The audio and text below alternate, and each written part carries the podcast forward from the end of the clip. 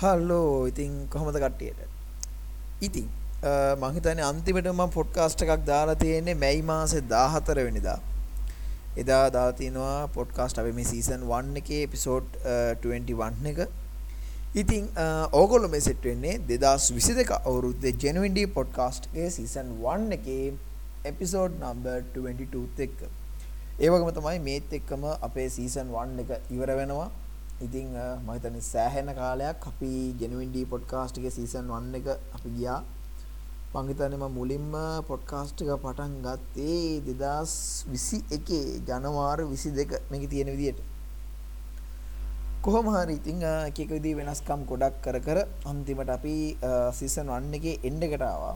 එකක් කියන්න ඕන අපි අද කතා කරන දේවල් ගත්තොත් එහෙම මගේ ඩේ ටු ඩේ ලයිෆ් එකේ අප්ඩේට් කතා කරනවා ඊට පස්සේ අපේ රටට මොකද වුනේ කියන සීන් එක කතා කරනවා. ඊට පස්සේ එඩියුකේෂන් ගැන මං හිතුවා කතා කරන්න ඕනේ කියලා. මොකද මේ අවුරුද්දේ මට ගොඩාක් සංවේදී මාතෘකාවක් වුණා එක ඒ කියන්නේ සෑහෙන්න මං කියන්නේ යුනිවර්සිටි ස්ටුඩන්ට්ලා විදියට අපි දකින අධ්‍යාපනය විතරක් නෙවෙයි ඊට අමතරව පොදුවේ මේ රටේ දැක්ක අධ්‍යාපනය සම්බන්ධ ගොඩක් දේවල් ගැන කතා කරන්න ඕනේ කියලා හිතුණා. ඊට පස්සේ මේ ගෙවිච්ච අවුරුද්ද ගැන මම දකින්නේ මොකද කියන එක. ඒක ඕවරෝල් ගොඩක් පැතිවලට දාලා වෙන්න කතා කරන්න කැමති. ඊට අමතරව 2023ට තමයි දැන් අපි ඉස්සරහට යන්න ඉන්නේ. තව දවස් මම හිතන්නේ පහක් හයක් වගේ තමයි තියෙන්නේ 31 වෙනිදා මේ මාසෙ ඉවරයි. කොහොම හරි ඉතින් අද ඔයගලන්ට මේක ගේන්නේ මං නත්තල් දවස් තමයි මේක රෙකෝඩ් කරන්නේ. තාම මෙහෙ නිකන් උදේ වගේ තමයි දැනෙන්නේ. උනාට ද වෙලාව ඇත්තටම 12යි 40යි දවල්.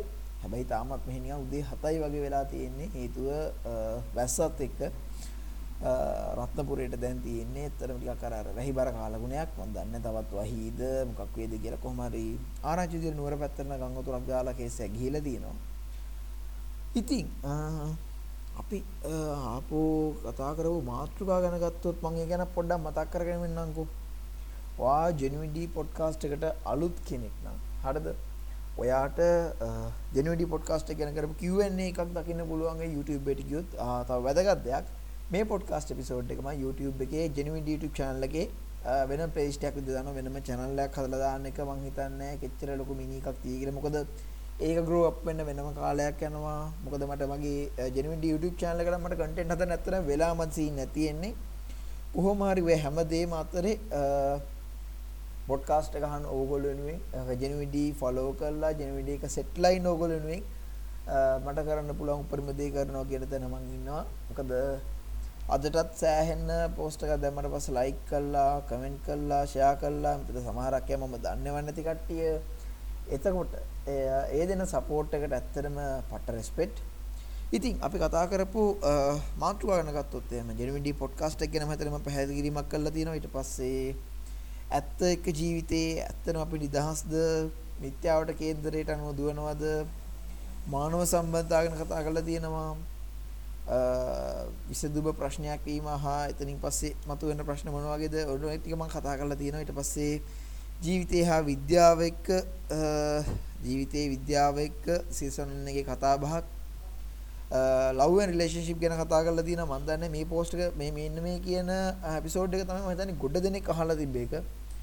එතකොට එතනදී මම පොදුවේ අත්දැකීම් එක වගේම අපේ යාළුවෝ ගොඩ දෙනෙක් එක කතා කරලා මම මේකෙදි කතා කරා. ඉතින් ගොඩ දෙනෙක් ඒකට සෑහෙන අදහස් දැක්වුවා. විෂාදය ගැන කතා කරා. ඊට පස්සේ මම අඩේ මම අයිහබ් එක ඩිෂන් අය ගැන කතා කරලා තියෙනවා. ඊට පස්සේ ලයිෆ් එක ගැන කතා බහක් මේ කාලේන ස්ට්‍රෙස් එක හා බය ගැන කතා බහක් කරලා තියෙනවා. ආතතියෙන් එළියට part 2 motivation කතා වස්තුව යුද්ධය ගැන කතාව toxic people ලා ගැන මතකේ නිදිමත කම්මැලිකම. මෙන්න මේ එපිසෝඩ් එකටත් පට්ට විදිහට කට්ටිය ඇටැක්ට් වුණා. ඊට පස්සේ ස්ක්විඩ් ගේම් එක ගැන පොඩ්කාස්ට් එකේ රිවිව් එකක් කරා. අඩේ මං එහෙම කවුක් කරලා දිනවා. දැන් දැන් මට දැන් මතක් වුණේ ඒවා. ඊට පස්සේ මූඩ් එක ෆික්ස් කරමුද? මිනිස්සු සහ වෙනස් වීම. ඊට පස්සේ අන්තිමටම කතා කරලා තියෙනවා අපේ රටට ප්‍රතිපත්ති ඕනි ඇයි? කියන එක. හරියට ගත්තොත් එimhe ජනවාරි 15යි මැයි 14යි දැන් අද මේ එපිසෝඩ් එක මම අදම අප්ලෝඩ් කරනවා. වැඩි වෙලාවක් යන්නේ මට ටික දාන්න පුළුවන් අදම. එතකොට මේ අවුරුද්දේම කරලා තියෙන පොඩ්කාස්ට් එපිසෝඩ් තුනයි. ඇත්තටම සොරි මේක අහන කවුරු වුණත් මොකද ලංකාවේ පොඩ්කාස්ට් අහන කමියුනිටි එක මම දන්නවා එක ඒක ටික එක විදියක් ඇත්තටම. ගොඩක් වෙලාවට ඒක YouTube බේස් කරගෙන තමයි ගියේ. ඔය Spotify එහෙම ලංකාවට ආපු වෙලේ පොඩ්කාස්ට් දුන්නා නම් අර අහන්න වෙන්නේ ගොඩක් අයට Spotify හරහා අපේ පොඩ්කාස්ට් එක අහන්න පුළුවන් ඔන්න මත තියාගන්න. ඒක අහනවා නම් අහන්න වෙන්නේ ගොඩක් වෙලාවට VPN දාලා වෙනට කින කෙනෙක්ට මම හිතනවා මට ප්‍රශ්නයක් වෙන්නේ නැහැ. උනාට මම ලංකාවෙන් අපිට ඇක්සස් කරන්න බැරි කේස් එකක් තියෙන්නේ. Spotify ලංකාවට දීපු වෙලේ ඕක හරියට පොඩ්කාස්ට් ඒ දේවල් දුන්නා නම් ඇත්තටම පට්ට කොහොම හරි මන් දන්නේ නැහැ. ඒක කොහොම හරි උනේ නැහැ වයිසි ඉන්න තියෙන්නේ. anyway ලංකාවගේ රටවල් වල සාමාන්‍යයෙන් ඇත්තම කතාව මේ තව කෙනෙක්ට සවන් දෙන මිනිස්සු ප්‍රමාණය පොඩි කේස් එකක් තියෙනවා. හැබැයි මෑතක රටේ පොඩ්කාස්ට් වගේ දේවල් අහන පිරිස ටිකක් වැඩි වෙලා තියෙනවා කියලා පේනවා. මොකද ගොඩක් වෙලාවට පොලිටිකල් සයිඩ් එක ගැන කතා කරන කට්ටිය ඉන්නවා ටිකක් අර අර පට්ට ප්‍රොෆෙෂනල් ලෙවල් එකකින් පොඩ්කාස්ට් කරන සෙට් එකක් ඉන්නවා. එතකොට මටත් ආස කවදා දවසක ඒ කියන්නේ අර අර ඔය සාමාන්‍ය අර ජෝ රෝගන් පොඩ්කාස්ට් එකේ වගේ වල තියෙන අර අර ඒ මට්ටමේ සෙටප් එකකට යන්න මහා රාසයි. ඉතින් ඒකට යම් කිසි කැපිටල් එකක් ඕන. ඉතින් අර මං ගොඩක් වෙලාවට ඒ වගේ දේවල් ඇචීව් කරන්න බැරි බුදු අම්මෝ ඕවනම් කවදා අපේ නම් කරන්නද වගේ සීන් එක ජීවත් වෙන මිනිස්සෙක් නෙවෙයි. මච්චර කාලයක් මට ජීවිතේම හදාගන්න ඕන දේවල් මම පුළුවන් විදිහට try කළා. ඒ දේවල් හදාගත්තා. ඒ දේවල් වලට වැඩ කරා. මම දන්නවා ඉස්සරහටත් ඒ දේවල් හොඳට හදාගන්න නම් පට්ට විදියට මහන්සි වෙන්න වෙනවා මේ ලංකාවගේ රටක. ඒක ලේසි නෑ. ඉතින් මේක ඇත්තටම කියන්නේ මේක හීන මිය යමින් පවතින රටක් කියන ලංකාවට කියන්නේ හරිද?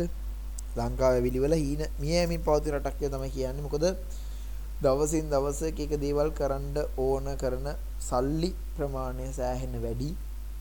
ඒ වගේම තමයි තවන් අමාරු මොනවාට දෙයක් හදාගත්තත් ඒ වල රෙපෙයාර් වෙන්න පුළුවන් බිස්නස් එකක් පටන් ගන්න කෙනෙක්ට එක එක දේවල් වලට යොදවන්න වෙන මුදල් ප්‍රමාණය වැඩි වෙන්න පුළුවන්. මේ වගේ ටිකක් ඇත්තටම පට්ට ලොකු ට්‍රබල් එකක තියෙන අමුද්‍රව්‍ය හොයාගැනීමේ පහසුව ඉගෙන් තමන්ගේ කියලා සොයන්න කියාව පටන් ගන්න මිනිහෙට්ටුවත් මේ කාලේ සෑහෙන නිකන් අමාරු සිටුේෂන් එකක් තමයි තියෙන්නේ. හරිද? ඉතින් ඔන්න ඔහම රටක තමයි අපි ජීවත් වෙන්නේ. ඉතින් ඒ වුණාට තමන්ගේ හීන කියන දේවල් මම නම් කියන්නේ ඒක අතහැරලා දැම්මොත් අපරාධේ. මොකද දැන් මට මේ වෙද්දී වයස අවුරුදු 23ක් වෙනවා.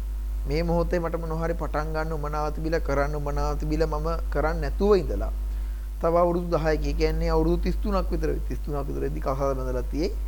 එතකොට ඒ වගේ වයසක් එනකොට අපිට මට හිතුනොත් එහෙම අඩෝ ඇයි මම පහුගිය අවුරුදු 10 මෙන්න මේ දේවල් වලට මම try එකක් නොදුන්නේ කියලා මං හිතනවා ඒක ලොකු අපරාධයක් කියලා. ඉතින් එතනට වැටෙන්න ඕනේ නැහැ කවදාවත්. වෙන දෙයක් වෙන්න කියලා මං හිතනවා try කරන එක තමයි කරන්න පුළුවන් හොඳම දේ කියලා. ඉතින් මේක අහන ඔයාලත් එක්ක day to day life එක ගැන කතා කරොත් එහෙම ඇත්තටම මේ අවුරුදු ටිකක් එක්සෑම් ඊට පස්සේ කැම්පස් එකේ ජීවිතේ එතකොට ඒවල තිබ්බ ඉවෙන්ට්ස් ඔය වගේ දේවල් එක්ක ගෙවිච්ච කාලයක්. ඇත්තට මේ අවුරුද්ද 2022 ගත්තොත් එහෙම කෙනෙක්ට කියන්න පුළුවන් හෙන විතරයි යකෝ ගැහුවේ නැත්තේ කියලා. ඇත්ත පොඩ්ඩක් එහෙම සීන් එකක් නැතුව නෙවෙයි. මොකද එක එක විදිහේ හෙන ගොඩක් වෙනස් සිද්ධි වුණා. ලංකාවේ පළවෙනිතාවට මිනිස්සු ජනාධිපති කෙනෙක්ව එලෙව්වා.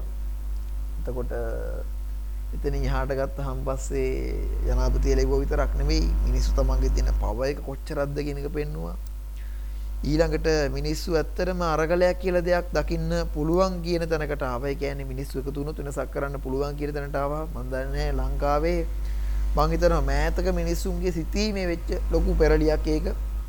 මොකද මේ වෙලාවේ ඇයි අපි මේ මේ කාරණාවලට විරුද්ධ වෙනුනේ ඇයි අපි පාරට බහින්න ඕනේ කියන එක ගැන මං හිතන්නේ මොලේ තිබ්බෙවුණු කතා කර කතා කරන්න නැතුව ඉන්නේ නැතුව. අර කියනවනේ ලෝකේ තියෙන ලොකුම ව්‍යසනයක් කියලා අර අර බුද්ධිමත්තු අදාළ අවස්ථාවේදී කටවහගෙන ඉන්න එක. එතකොට වෙන්නේ පට්ට මෝඩයෝ කට අරින්න ගන්නවා. එතකොට වැඩේ ලේසි නෑ. එතකොට වැඩේ වෙනම ලෙවල් එකක අමාරුවකට යනවා.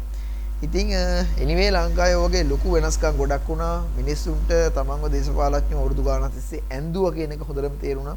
එතකොට මෙතන යහට එන කෙනෙක්ට උනත් එහෙම මිනිස්සුන්ව අන්දන්න ලේසි නෑ වගේ සීන් නැති නෑ හැබැයි මෙහෙමයි කේස් එක කියන්නේ මේ. ඔය මිනිස්සුන් අන්දන අය කට්ටිය. තමන් ඒක අන්දන්න අලුත් ක්‍රමයක් මොකක් හරි හොයාගන්නවා. මේ විද්දිත් ඒ වගේ එක දේවල් එනවා වෙන්න පුළුවන්. හැබැයි මං වුණත් මේ වගේ පොඩ්කාස්ට් කරලා ටික්ටොක් එකේ වෙන්න පුළුවන් YouTube එකේ Facebook එකේ දෙයක් ලියලා වෙන්න පුළුවන්. ඔය හැම ආකාරයකට මම try කරන මූලික මගේ අරමුණක් තියෙනවා. ඒ තමයි ඕපන් හිතන්න පුළුවන් සෙට් එකක් මේ ලංකාවට ඉතුරු කරන එක. හරිද? ඒ කියන්නේ ඕපන් හිතන්න පුළුවන් සෙට් එකක් කියන්නේ උන්ට හොඳට ලොජිකල් විදිහට හිතන්න පුළුවන් වෙන්න ඕන. ලොජිකල් කියන්නේ උන් නිකන් මේ රොබොට් ලා වගේ කට්ටියක් හදන්න නෙවෙයි කල්පනාව තියෙන්නේ. හොඳට හිතන්න පුළුවන් කට්ටියක් වෙන්න ඕන තාර්කිකව හිතන්න පුළුවන් ඊට පස්සේ මොකක් හරි සිද්ධියක් ගැන ගත්තාම පස්සේ ඒක ටයිම් ලයින් එක දිගෑල්ල අරගෙන අතීතේ වර්තමානයේ අනාගතයේ කියන කාල තුන අතරේ හොඳට හිතලා බලලා. ඡන්දයක් කියන්නේ නිකම්ම කතරයක් ගහලා දෙන දෙයක් නෙවෙයි. ඊට පස්සේ රටක් ගැන ගන්න තීරණයක් කියන්නේ නිකම්ම හිතන දෙයක් නෙවෙයි. විශේෂයෙන් තමන් ගැන හිතනවා කියන්නේ නිකම්ම ගන්න තීරණයක් නෙවෙයි කියලා හොඳට හිතලා බලලා වැඩ කරන්න පුළුවන් සෙට් එකක් ලංකාවට එන එක මගේ එක විදිහක හීනයක්.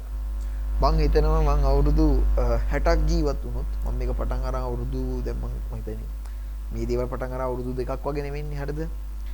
මගේ 60ක ජීවිත කාලෙන් අවුරුදු මට පුළුවන් වුණොත් පුළුවන් කාලේ කියන්නේ මට අවුරුදු 40ක් මේ දේවල් කරන්න පුළුවන් වුණොත් මං අවුරුදු 40ක් මේ රටට මම දැනට මම මේ දැන් ඉන්නේ යුනිවර්සිටි ස්ටුඩන්ට් කෙනෙක් කියන මට්ටමේ ඉන්නේ හරිද? මම මේවා පටන් ගද්දි මං හිතන්නේ මං මට එහෙම මොනවක්වත් නැහැ. මං කැම්පස් ස්ටුඩන්ට් කෙනෙකුත් නෙවෙයි මං නිකම්ම ඒලෙවල් ඉවර කරලා ගෙදර ඉඳපු කෙනෙක් ඉතින් මට පුළුවන් දේ මම පටන් ගත්ත දේ මම දිගටම කරගෙන යනවා. මට පුළුවන් උපරිමයෙන් ඒ අතරේ මේ දේවල් වල කන්ටෙන්ට් ක්වොලිටි එක කියන එක අහන ඕගොල්ලෝ වෙනුවෙන්ම මට පුළුවන් හැම අවස්ථාවකදීම මම මේක අප්ඩේට් කරනවා අනිවාර්යයෙන්ම මොකද මං හිතනවා මොකක් හරි දෙයක් ඩෙලිවර් කරන්න පුළුවන් හොඳම විදියට ඒක ඩෙලිවර් කරන එක හරි වැදගත්. මට මේ කාලෙදි ඉතින් මම මොකද තාම ජොබ් එකක් කරන්නේ නැහැ. ඒකට මම ඉගෙන ගන්න ගමන් ඉන්නේ. ඉතිං මට මේ කාලෙදි මට කරන්න පුළුවන් උපරිමයෙන් මම ඔයගොල්ලෝ කරනවා කියලා කිව්වා. ඉතින් මගේ ලයිෆ් එක මේ අවුරුද්ද ගෙවුනේම ඇත්තටම එක්සෑම් එක මොකද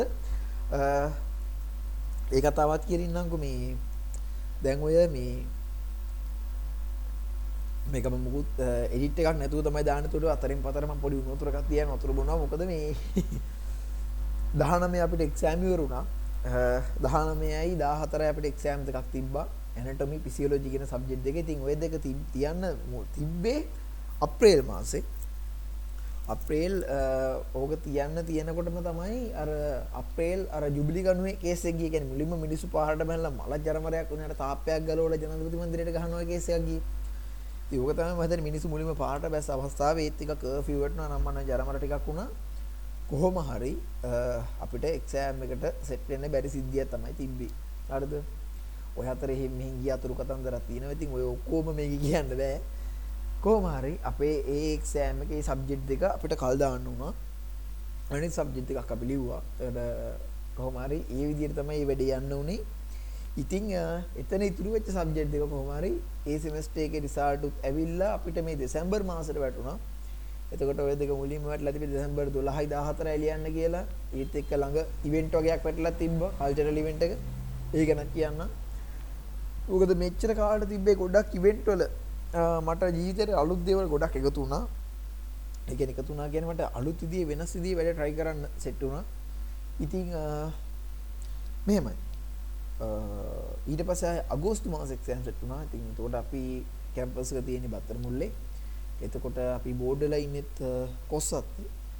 ඉතින් එහෙට පවා කට්ට යනවා. පහුගිය අගෝස්තු මාසේ නම් දැන් මේ පහුගිය ගෙවිච්ච දවස්වල නම් පවර් කට් එක එච්චර ලොකුවට අපිට ප්‍රශ්නයක් වුණේ මොකද අපි කොහේ හරි එළියේ ඉන්න වෙලාවක ලයික් කැපුවා. හරි එහෙම සීන් නැත්නම් එදින එච්චර ඉෆෙක්ට් උන්නේ නැහැ හැබැයි දැන් ගිය අගෝස්තු මාසයේ එක්සෑම් තියෙනකොට හෙට මයික්‍රෝබයොලොජි පේපරේ තියෙනවා. හෙට ලියන්න ඕන එක ගිහිල්ලා.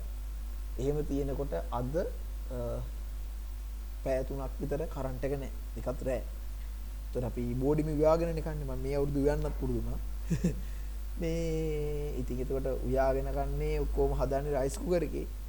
ඒ දවස්වල ගෑස් කියන්නේ මාර රයාදයක් අනිත් පැත්තට පුපුරන කේස් එකක් ඒ දවස්වලට කිව්වේ. මේ අවුරුද්දේ මුල එහෙම එකක් නෙ තිබ්බේ. එතකොට ගෑස් හොයාගන්නත් නැහැ ගෑස් ගන්නත් බෑ උනට ගෑස් ගානත් වැඩි කොහොම හරි අපිට ගෑස් මොනවාක්වත් හොයාගන්න පුළුවන්කම තිබ්බේ නැහැ. අතරත් ගේම ගහන්නේ ඔය හොට් ප්ලේට් එකක් තියෙන මේකෙනුයි රයිස් කුකර් එකෙනුයි කාලේ හොට් ප්ලේට් එකක් නැහැ. අපි හදන ඕන මගුලක් හදන්න වෙලා තිබ අපිට එක රයිස් කුකර් එක තමයි ඔක්කොම හදන්නේ. ගොඩක් වෙලාවට මේ දවස්වල බෝඩින් ජනතාව එහෙමයි. ඉතින් කොහොම හරි හිතන්නකෝ දැන් උයා ගන්න විදියකුත් නෑ රැට කන්න. පට්ටෙට බඩගිනි.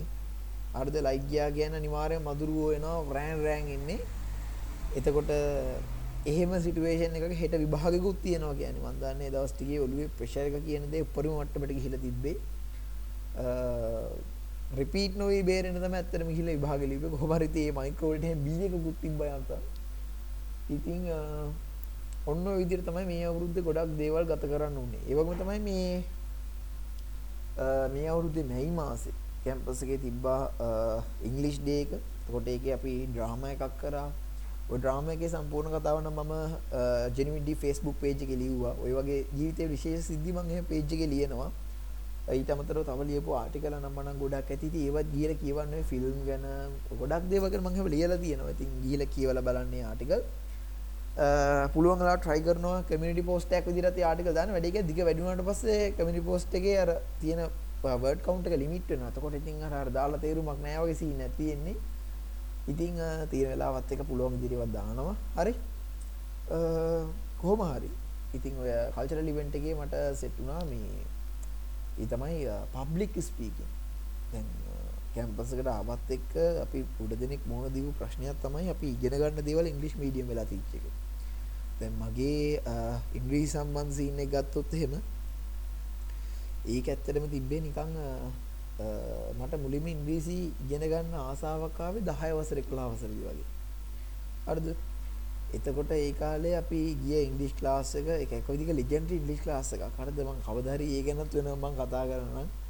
ඉතින් ඒ ඒ ක්ලාස් එකේ දවසක් ඒ සර් කිව්වා දැන් අර අපිට මේ ඉංග්‍රීසි කියන දේ ටිකක් ප්‍රායෝගිකව මේ කියන්නේ අපිට අනිවාර්යෙන් පාවිච්චි කරන්න වෙනවා. ඕගොල්ලෝ කැමති ඉංග්‍රීසි නිවුස් පේපර් එකක් ගේන්න අපි ඒක දවසක් පන්තියේ අපි නිකන් කියවමු කියලා ඉංග්‍රීසි පත්තරයක්. හරිද? ඒ කියන්නේ ගොඩාක් ඔය ළමයින්ට තියෙන ප්‍රශ්නයන්නේ කියන්නේ දැන් අර අර ඉංග්‍රීසි රීඩින් ඊට පස්සේ ස්පීකින් රයිටිං uh, ඔන්න ඔය තුන මූලිකව ගත්තොත් දැන් ලිස්නින් වගේ උත් ඇඩ් කරන්න පුළුවන්. ඒක ඔය තුන මූලිකව ගත්තොත් එහෙම ගොඩක් යට තියෙන ප්‍රශ්නයක් තමයි ඉංග්‍රීසි uh, ජනතාන් ලියා ගන්න පුළුවන්. හරිද හැබැයි කතා කරන්න බෑ. ඉංග්‍රීසි හොඳට පුළුවන්. සමහර අපිට A level වලට ඉංග්‍රීසි මීඩියම් කරපෑට තියෙන ප්‍රශ්නයක් ඕක. සිංහලෙන් නම් කරන ඕනකක් මට අවුලක් නෑ. හැබැයි මේ කඩ්ඩෙන් එම නැත්තම් ඉංග්‍රීසි වලින් uh, පළවෙනි වතාවට මට සෙට් වුණා. කතාවක් කරන්න. ඉතින් අර කිව්ව 10 11 කාලෙදී ඉංග්‍රීසි පත්තරයක් කියවලා තමයි මට මුලින් මේකේ ආසාව ආවේ. එහෙම කරලා කොහොම හරි O level වලට ලියන්න ගියාම O level වල ඔයගොල්ලෝ දන්නවනේ පේපරේ කොටස් දෙකක් තියෙනවා කියලා මම පාරි විභාගයට මම හිතන්නේ ඉංග්‍රීසි වලට 86ක්ද කොහෙද ගත්තා මම ජීවිත කාලෙටම ඉංග්‍රීසි වලට ආව වැඩිම ලකුණු ගන්න එක නැත්තම් 6 වසරේ ඉඳන් මට ඇවිල්ලා දී 50 ගණන් ඔය 3 වසරේදී වගේම නම් බර ගන්නක් අරන් ඇති ඒ වුණාට ජීවිතන් දුරාවට ඉංග්‍රීසි වලට ආපු වැඩිම ලකුණු ගන්න තමයි ඕක කියන්නේ සැලකුණු ලැබෙන කාලෙකදී හරිද ඒ වුණාට O level වලට ඉංග්‍රීසි වලට ආවේ C එකක් හරි ඉතින් ඊට පස්සේ A level first year එකේ කෙමිස්ට්‍රි එහෙමත් කියලා වෙලා පට්ට හිතේ අමාරුවෙන් තමයි ගිහිලි වල ඉංග්‍රීසි එක ලිව්වේ. ඒ පැය පහක් මොන මගුලක් කරන්නද කියලා තමයි ඉතින් මොකද ජෙනරල් ඉංග්‍රීසි වලට පැය පහක් තියෙනවා. මම දන්නේ එච්චර වෙලාවක ඒකට ඕනද කියන්න කොහොම හරි මාර අමාරුවෙන් එදා කාලේ කාගෙන ඉඳියා. පස්සේ බැරි දින මේ මම ෆස්ට් year එකේ ජෙනරල් ඉංග්‍රීසි ෆේල් ඇත්තට. පස්සේ දැන් 2019 මම සෙකන්ඩ් year එක ලිව්වනේ. එතකොට මට එහා පැත්තේ ගියා මගේ යාළුවෙක් ලයංග උහව මේ අඩු දැන් මොකද කරන්නේ මේ පැය පහක් කියලා. ඇත්තට දැන් මේක ලොකු ප්‍රශ්නයක්නේ. මං කිව්වා මෙහෙමයි දැන් මම නම් ඉංග්‍රීසි මොනවාක් බලලා නැහැ. ඒක අපිට ඉස්කෝලේ ඉගෙනුවා. ඉගෙනුවේ නැත්තේ නෑ. ඉංග්‍රීසි ඉගෙනුවා. හැබැයි ඉතින් මේ A level උගන්න ඉගෙන ගන්න සීන් එකේ ඉන්නකොට ඔය ඉංග්‍රීසි උගන්නවා කියන එක එවෙලට ඔහේ ඉන්නවා එවෙලට දෙන වැඩක් කරනවා එච්චරයි. අර O level මතකෙන් වගේ. ඒරන ලොකු දෙයක් අපි ඒ වෙනුවෙන් කරන්නේ නැහැ. හරිද? කොහොම හරි මං ගුවා හරියන්නේ නැහැ පැය පහක් නිකන් බකන් නිලම් බලන් ඉන්න බෑ මේක ගිහලා ලියමුයි කියලා. ඉතින් ඔය එහෙම ලියලා තමයි ඉංග්‍රීසි වලට ආසාව, ඒ කියන්නේ මොකක් හරි වෙලා අන්තිමට මේ ආසාව. ඉංග්‍රීසි වලට කොහොම හරි S එකක් ආවා.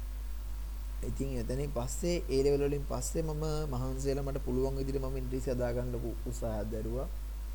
ඊට පස්සේ ගර්ල් ප්‍රොජෙක්ට් එකට උදව් කරා.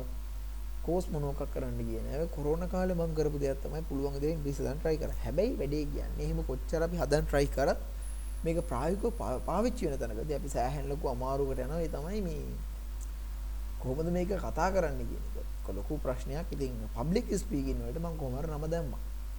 දාලා ඊට පස්සේ අදාළ දවසක අපේ කැම්පස් එකේ ඉංග්‍රීසි ඩිපාර්ට්මන්ට් එකේ බැඩම්ලට ඔන්ලයින් තමයි ඒක තියන්න ඕනේ මොකද ඔය අප්‍රේල් අර ජරමරේ වෙලා තිබ්බනේ දවස්වල. එතකොට ඒ කාලෙදි ඉතින් කළා පෙන්නවා පළවෙනි පාටන පුතේ වුණ කතාවේ හිර වුණා. හරිද?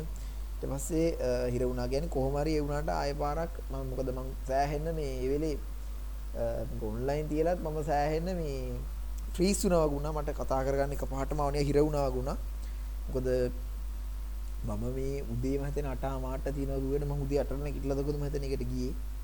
ඊට කලින් දවසේ මොකක් හරි ඔය වැඩකින් ගිය මම හිතන්නේ මම ඒ දවස්වල ඉංග්‍රීසි ඔය ඩේ එකට සා මේ කියන්නේ සමාන්තරව ඉංග්‍රීසි ඩ්‍රාමා එකක් කරන්න පිටපත ලියන ගමන් ඉදියේ. ඒත් ඕක ලියලී ඉඳලා හරි කොහොම හරි මම පහවදා එනම හරි තව නැගිටලා කරේ. කොහොම හරි සිලෙක්ෂන් රවුන්ඩ් එකේ මගේ කතාව තේරුණා. දාන්න පුළුවන් කැටයන් සීරම දාලා කතාව කරේ. ඊට පස්සේ කොහොම හරි ඉංග්‍රීසි ඩ්‍රාමා එකත් යන ඔක්කොමත් අතරේ දැන් ඔන්න අපේ කැම්පස් එකේ තියෙන ඩිපාර්ට්මන්ට් එක අතර තමයි මේ අන්තිම තරඟ යන්නේ. කොහොම හරි පුළුවන් වුණා ඒකේ සෙකන්ඩ් ප්ලේස් එක ගන්න. තර්ඩ් ප්ලේස් එක ගියත් අපි BMS එකේ ළමෙට් තමයි මතන ගිත්නුකට? ඊට පස්සේ ෆස්ට් ප්ලේස් එක ගියා. අපේ කැම්පස් එකේ. මතනේ කොමර්ස් එකේ කවුරු හරි එල්ලෙට මත මැනේජ්මන්ට් හරි වෙන්නේ නැති එහෙම කෙනෙක්ට ගියා. මට නම් මතක නැහැ ඉතින් ඔන්න ඔය විදියට තමයි කොහොම හරි ඒ ඉංග්‍රීසි සීන් එක මේ වුණේ කොහොම හරි ඒත් එක්කම මං ආපු බෝඩි මේ වෙච්ච සිද්ධියක් තිබ්බා. ඒ තමයි මාත් එක්ක මං ඉන්න රූම් එකේ නතර වෙලා ඉන්නේ ට්‍රින්කෝල ළමයි තුන් දෙනෙක්.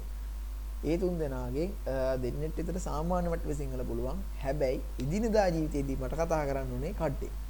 මං ජීවිතේ හිතුවේ නෑ මට ওই වගේ දෙයක් වෙයි කියලා. ඉතින් ඔයගොල්ලෝ හිතන්නකෝ දැන් එදිනෙදා කන බොන දේවල් ඔක්කොම ඉංග්‍රීසි වලින් තමයි ඒතර කතා කරන්න වෙන්නේ.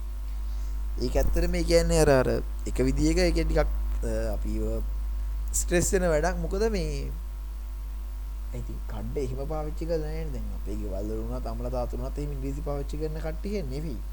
එතකොට අපිටත් එහෙම ඉස්කෝලේ කාලේ වුණත් එහෙම සිංහලෙන් නම් ඕන මරාලයක්. හැබැයි ඉංග්‍රීසි දේවල් වලට එහෙම දක්වලා තියෙන දායකත්වය හරි අඩුයි. මං හිතන්නේ මම 2008 Red Riding Hood කියන නාට්‍යයේ වුඩ් කටගේ චරිතය කරා. හරිද? අර එයා තමයි ගිහිලි වල අර මෙහෙම බුරුකයට පොරවෙන් ගහලා ඊට පස්සේ රෙඩ් රයිඩින් හුඩ් බේර ගන්න ඒ වගේ සීන් එකක් තිබ්බේ. අපි අල්ලපු ගමේ චතුරිකා මං හිතන්නේ චරිතෙට ඉඳී රෙඩ් රයිඩින් හුඩ් දැක්කෙත් නෑ මම කාලෙකින්. මේ කොහොම හරි අපිට අවුරුදු ගානකට පස්සේ එහෙම එයා වෙනස් දෙයක් කරන්න ලැබුණා. ඒත් එක්ක මට සෙට් වුණා ආතල් වැඩක්. ඔගොල්ලෝ දන්නවා මම ඔය වීඩියෝ එඩිටින් ඉගෙන ගන්න මම හරිම ආසයි. මම YouTube channel එක පටන් ගන්නත් එක තමයි ওই දෙයට මම මුලින්ම පටන් ගත්තේ. මම මුලින්ම Moavi software එකෙන් මම වීඩියෝ එඩිට් කරා. පස්සේ මම කොහොම හරි Premiere ඉගෙන ගන්න ගත්තා. තාමත් ඉගෙන ගන්න ගමන් ඉන්නවා. දැන් නම් වෙලා තියෙන්නේ ඒකට දාන්න ටයිම් එක නැති ගම නැත්තම් ඔය තව ගොඩක් දේවල් ඒ ආශ්‍රිතව ඉගෙන ගන්න තියෙනවා. කොහොම හරි මට සෙට් වුණා වැඩක්. ඒ තමයි අපේ ඉංග්‍රීසි ඩ්‍රාමා කම්පිටිෂන් එක ගන්න දැන් තිබ්බේ. ඕකේ BTS වීඩියෝ එක. බිහන් සන්ස් වීඩිය එක එඩික් කරන්න සැට්ටුනා ඒක එතකොට ඒ කණ්ඩායම් ගොඩක් ඉන්දියයි කණ්ඩායම් ගොඩක ගොලෝ පුරුදුවෙන් අතර වෙච්ච ආත සිද්ධි තියෙනවන.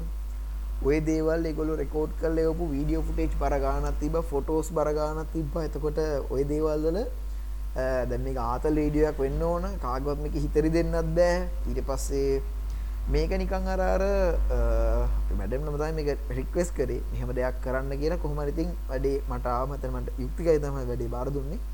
මෙන්න මෙහෙම වැඩක් තියෙනවා මල්ලි පොඩ්ඩක් බලමු කියලා ඊට පස්සේ කොහොම හරි මම ජීවිතේදී BTS වීඩියෝ එකක් හදලා තිබ්බේ නෑ. අන්තිමට මම එහෙමයක් කරා.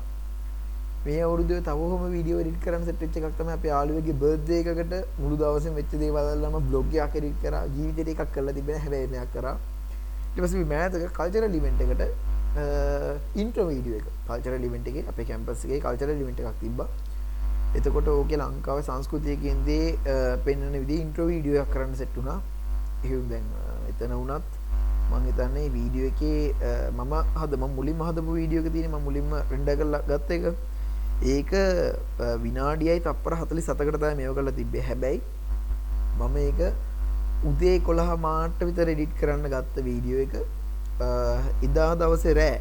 අරද රෑ කොළ හමාරත් පහු වෙලා පාන්දර දෙකයි හතලිස් ගානක් මහිතනම මුලින්ම මට මේ වැඩේ කරමුයි කියලා මුලින්ම කතා කරපු මයුමියක්කට අප්ඩේට් එකක් දානකොට. එතකොට හිතන්න කොච්චර වෙලාවක් එක එඩිට් කරන්න වෙලාද කියලා. එඩිට් කරන්න වෙලා ගැන මේ අර මාර ඩිට් එකක් දීලා නෙවෙයි. හරිද? එතන තියෙන්නේ ඇත්තනම මේ මොකද කල්චරල් ඉවෙන්ට් එකට ඕන කරන වීඩියෝ ෆුටේජ් කියනවා මට ගන්න උනේ YouTube එකෙන්ම. හරි? එතකොට YouTube එකෙන් ගත්තට මේව නිකන් අද YouTube එකට කවුරු කෙනෙක් දාන්නේ Taman දාන්න ඔක්කොම කැටයන් ටික දාලා මේක එඩිට් කරලානේ. එතකොට ඒ වගේ එකක් දැන් කවුරු හරි එහෙම දාපු ඉෆෙක්ට් එකක් හරි අපේ වීඩියෝ එකෙත් එහෙම දැම්මොත් ඒක පේනවා පැහැදිලිව. ආ මේක මේ කොහෙන් හරි ගත්ත එකක් තමයි කියලා. ඒක හොයාගන්න බැරි කමක් නැහැ. මොකෝ අපි මේක ෂූට් කරලා කරලා තියෙන මේ මේ හැබැයි ඒ වැඩේ ගාන්ට ලස්සන්ට තියෙන්න්න ඕන කියන තැන මං ඉදිය ඉතින් මං අනිති තමයි ගොඩාක්ේ වීඩියෝසෝල්ට වොයිස් ඕව කරලා තියෙනකොට ඒවල සද්‍ය අපිට ඉදිරි දාන්න බෑ. ඔය වගේ ප්‍රශ්න ගොඩක් තිබ්බ. ඔය දෙව ලොක්කෝ විසදගෙන කොහමරි වීඩියෝ කරංගීල ආයක අගට මුලට කෑලි කීපයකතු කළ විනාඩි දෙකක් වෙන්න වීඩියෝ හැදවා. මේ වෙලා ඇත්තර මතක් කරන්න ඕන පදුමාද වයියවයි ලොක්ක පඩක්ෂන් YouTube චානල් එක් කරන්න කැම්පසගේ ලොකු පුතාවයි. මේ ඩබල මට මාර සපෝට් එකක් දුන්න. මේක ඉහිට් කරන වැඩේට.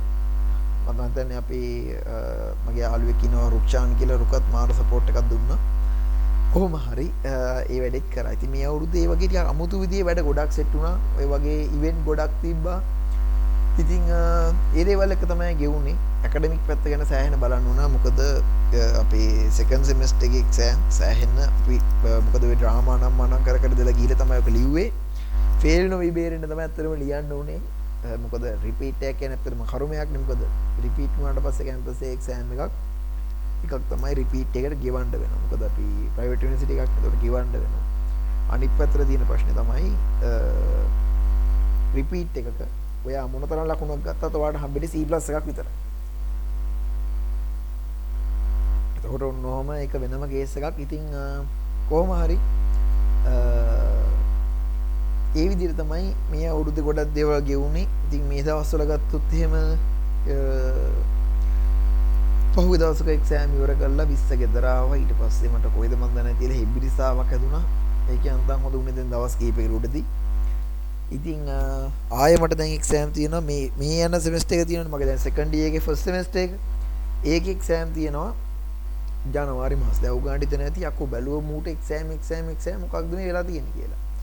ඇත්තට මුතන වෙලා තියෙන සිද්ධිය මෙන්න මේමයි මේ ඒ තමයි දැන් අපේ සෙමස්ට එකක් යන්නේ හරිටම මාස හයක කාලෙකින් නෙවි මාස හයට කලින් මේක ඉවර කරන්න න මේක මහිතන ඩිකේෂ මිස්ට්‍රිගේම ඇවිල තියෙන හඩිකේෂ මිස්ටිගේම මේ ඇවිල්ල තියෙන්නේ. අහනාහ ගොඩක් කැම්පසල මේ වගේ තම සින ගැනතකොට අර මාස හයක් තිස්සේ අන්ඩෝන දේවල් ටික වාලා හිතන්න මාස තුන හතරකින් පට පටගාලා යන්න වෙනවා.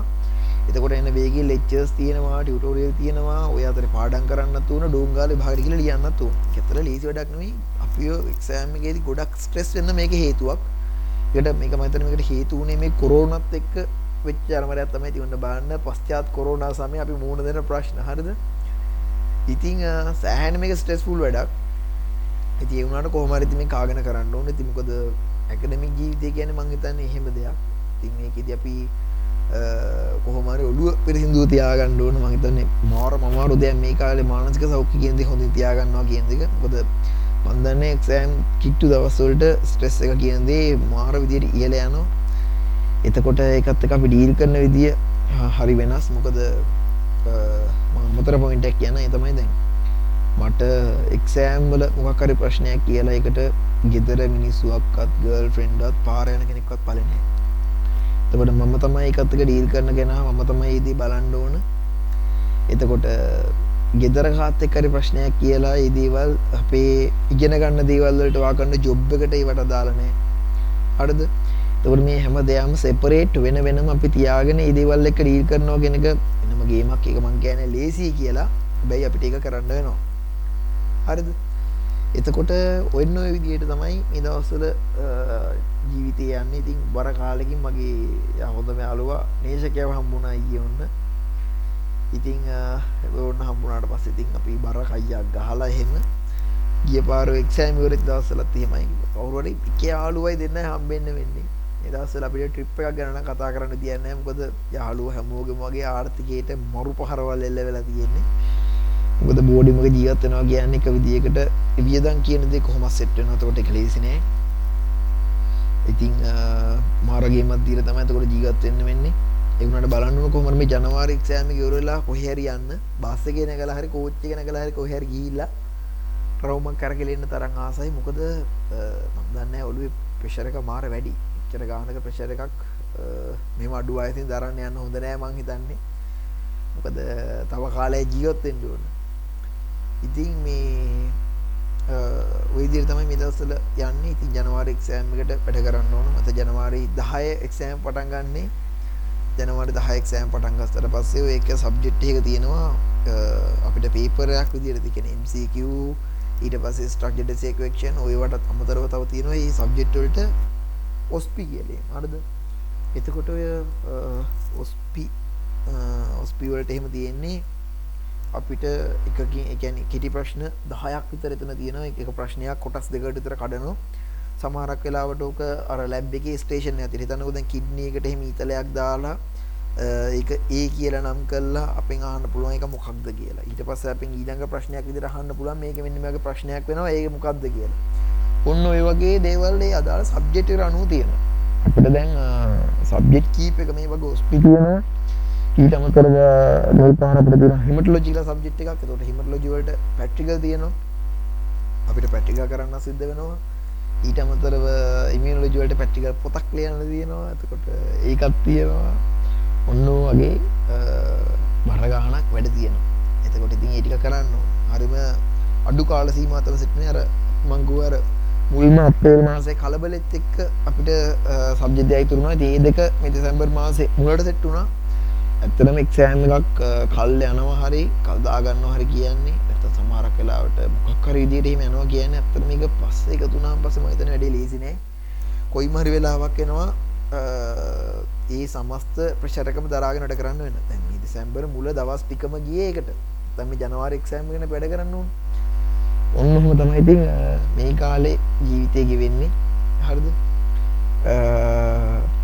ඇත්තරම හරි. අමාරුයි. ලේසිනෑ කොහමරි පුළුව ප්‍රශරක බැලස් කරන්න කරන්න මහිතන අපේ හැම ආලුවට්ටුමගේ මෙම මේ කාලේ. ඉතින් ඊතනින් පස්සේ ගෙඩුවේ ලයිෆෙන් පස්සේ අපේ රටේට අත්ත ගෙන ගත්තොත් මේ විදි ලංකාව තියෙනක විදිීක හා අමුතුම පොසියන් එකක මොකද? අපේ රට ලෝකට නයයි ඒවක තම අපිට නය ගෙවාගන්න බෑ කියන අපි ලෝකට කියලා තියෙනවත කොට එහෙන් අයිF යන්න ට්‍රයි කරනවා. ඔය අතරේ රටේ දේශපාලන තත්ත්වත් එක එක පැතිවලට දෝලනය වෙනවා දැ පහුගේ කාලිස් කෝලෝලා ඉස්දහන කතාවක්කාව ඉට පස්සේ පාලිහා බෞද්ධ විශ්වවිද්‍යාලයේ කොයද ලිද්දකින්ද කොයද හාගෙන තිබ්බ මේ මේ අරක්කු බෝතල් වගේයක් මේ ඒව හර ලස්සන්ට බීලා ලස්සන්ට මූඩිය වහලා තියලා ඊට පස්සේ ඒවා ලස්සන්ට පෝර කවරවල පැක් කරලා වලල දාලා තිබ්බා. මන් දන්නේ ඊළම එච්චර පිළිවෙලට අඩ කරනවද කියලා. බෞද්ධ බෞද්ධ හා පාලි විශ්වවිද්‍යාලයේ අරක්කු බෝතල තිබ්බා අම්බ සංස්කෘතියට මාර පෙරලක් වැදිලා වගේවත් මන් දෙක කට්ටිය කිව්වොත්. අනිත් එක මේ මේ ඉස්කෝලේ යන වයස ළමයි අයිස් ගහන කතාවක් යනවා. හරිද? මෙතනදි කියන්න ඕන ස්කෝල යන වයස අයිස් ගහන උන් ඉන්න පුළුවන්. මං කියන්න මං කියන්නේ ඒක නෑ කියලා. හරිද? මොකද ලංකාව කියන්නේ මත්ද්‍රව්‍ය කියන දේ හොඳම මට්ටමෙන් තියෙන රටක් ඇත්තම කතාව. හරිද? මේකට ඉතින් උඩින් යටින් දෙකෙන්ම ඔය තියෙන ලොකු කනෙක්ෂන් වලින් අනිවාර්යයෙන් රටට එන්න ඕනේ. මොකද රට ඇතුලේ කුඩු හදන්න තරම් එකක් නෑනේ මෙහි හරිද? එතකොට ඒ දේවල් එනවා ලංකාවට. හරිද? එතකොට එන එක වළක්වන එක වෙනම කේස් එකක්. ඒකට මන්දන්න අපිට හොඳ නාවක හමුදාවක් ඉන්නවා රටේ හොඳ බුද්ධ්‍යංශින්න මොකොද මේවා සුපිරි මොල ඒක කියන්න ඕන්න ඔය එල්ට කේස් තියෙන කාලෙ වුණත් මේවා සුපිරියට බැහර වැඩ කරපු ඉතමක ඉවර කරන්න පුළුවන්. හරද? හැබැයි මොනයම්මෝ බලපෑමක් මත රංකාවට තාමස් මද්‍රව්‍ය කියන දේවල් එනවා. හා ඒවා සක්‍රීයෝ බෙදා හැරනෝ ඔය සැරින් සරයට පාතාල ගැටුම් ඔය වගේ දේවල් මැද්දෙන් තමයි මේවල මේ අරාරත් අපි ඔය ඕක තියෙන ඔය අර අකින අපිට නොපෙනී තියෙන ස්ටෝරි එකේ පැති අපිට නිරාවරණය ඊට පස්සේ ඔය දේවල් මේ මද්‍රව්‍ය ඉහලාවේ අරගල කරපු මිනිස්සු ඉඳ වගේ දේවලු තුලුප්පන්න ගියා. හැබැයි ඔය ගොඩාක් ස්ක්‍රිප්ට් ඇත්තටම එහෙම මේ සාර්ථක වුනේ නෑ ඒ දේවල්. ඒ කියන්නේ වැඩේ ෆුල් ස්ක්‍රිප්ටඩ් කියලා වැඩේ මාට්ටු වුණා. හරිද? දැන් පාලියා බෞද්ධ විශ්වවිද්‍යාලේ අරක්කු බොනේ උන් නෑ කියලා අපිට කියන්න බෑනේ මොකෝ ඒක අමද්දපයි කියලා අපිට එහෙම කියන්න විදියක් නෑ. බොනේ උන් ඉන්න පුළුවන්. හරිද හැබැයි දැන් මේ බීලා මාර ලස්සනට වලදාපු බෝතල් ටිකක් ගන්නවා වගේ දෙයක් ඒ වාණී මන්ද කියන්නේ දැන් නම් මිනිස්සු එහෙම දේවල් වලට ගොනට අඳින්නේ නැහැ මොකද මිනිස්සු අඳින්න පුළුවන් හොද්දම සුපිරිම එකෙන් මිනිස්සු එහෙම ගොනට ඇඳ මේ ඔය පාස්කු ප්‍රහාරෙත් එක්ක රටේ වෙච්ච සිද්ධියත් එක්ක රටේ ජාතික ආරක්ෂාව නැති වෙලා කන්න නැතත් ඉන්න රටක් ඉන්න ඕන වගේ දේවල් එක්ක ඊට පස්සේ දේශපාලනය ගැන අබබන් රේණුවක අවබෝධයක් නැති මිනිස්සු දේශපාලනට දාගෙන අන්තිමට ඒ කට්ටියට තියාගෙන තිබ්බ කාඩ් එකත් කුඩු කරගෙන තමයි වැඩි අතර උනේ. එතකොට දැන් වෙද්දි මිනිස්සු එහෙම අන්දන්න පුළුවන් ස්වභාවය හරි අඩුයි. හැබැයි මිනිස්සු අඳින්න බැරි කමකුත් නැහැ. මොකද ලංකාවේ මිනිස්සු එහෙම මේ ඡන්දයක් දාන්න යන්නේ හිම අර මේ අර අර ඒ කියන්නේ අර අර පොලිටිකල් ඇනලයිස් එකක් නැතුව ලංකාවේ තාමත් ඉන්නවා ප්‍රේමදාස ජනාධිපතිතුමා මහාන මැෂිමක් දීපු හින්දා තාමත් ඒ සජිත්ගේ සයිඩ් එකට ඡන්ද දෙන කට්ටිය. හරිද? එතකොට තමන්ගේ තාත්තා JVP කරපු හින්දා මේ UMP එකෙන් තමන්ගේ තාත්තාව මරන්න ආපු හින්දා JVP එකට තාමත් ඡන්ද දෙන කට්ටිය ඉන්න පුළුවන්. හරිද? ඊට පස්සේ මහින්ද රාජපක්ෂ රට බේරගත්තා කියලා යුද්ධයෙන් රට බේරගත්තයි කියලා තාමත් මහින්දලා සයිඩ් එකට ඡන්ද දෙන කට්ටිය ඉන්න පුළුවන්. ඔන්න වගේ කියන්නේ මේ අර දේශපාලන මේ වශයෙන් අර මේ අර අර මං කිව්ව මුලින් කිව්වර මේ මුල මැද අග බලලා ඡන්ද දෙන මිනිස්සු නෙවෙයි. විශේෂයෙන් මුන් මේ අර අර අතීත දිහා විතරයි ඇත්තට බලන්නේ. අතීත දිහාත් ඒක හරියට බලන්නේ නැහැ. ඒක ගොඩක් වෙලාවට පට්ට විදිහට පෝලරයිස් වෙච්ච හිතන තැනක තමයි ඉන්නේ. එතකොට ওই දේවල් එක්ක රටේ තත්ත්ව ගත්තොත් එහෙම මේ දවස්වල මං කිව්වා වගේ අර කලින් කිව්වා වගේ ආර්ථිකය සෑහෙන අමාරුලා තියෙනවා. ලංකාව බංකොලොත් නැත්නම් බැංක්‍රප්ට් රටක් බවට පත්වලා තියෙනවා. ඊට පස්සේ අත්‍යවශ්‍ය ඖෂධවල හිඟයක් තියෙනවා. දවස ගානම ගත්තොත් මම දන්නේ මේ රටේ මිනිස්සුයි රට ඉන්න මිනිස්සුයි. පුදුම ගේමක් දීලා හොස්පිටල් වලට ඕන කරන බෙහෙත් හේතු වල දෙනවා මම දන්නේ කියන්නේ ලංකාවේ මිනිස්සු මොන තරම් එහෙම අර අමාරු සිටුේෂන් එකක් ආවත් Tamanට දෙන්න පුළුවන් උපරිම කන්ට්‍රිබියුෂන් එකක් ඒ වගේ දේවල් වෙනුවෙන් දෙනවා. හරිද? ඒ කියන්නේ කොහෙද නාය ගිහිලා ආධාරකතු කරන්න වුණොත් මේ කාඩ දැන් Tamanට කන්න බොන්න තමයි හරිද?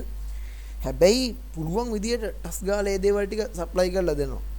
අපේ මිනිස්සුන්ගේ කියන්නේ අන්න එහෙම ගතියක් තියෙනවා.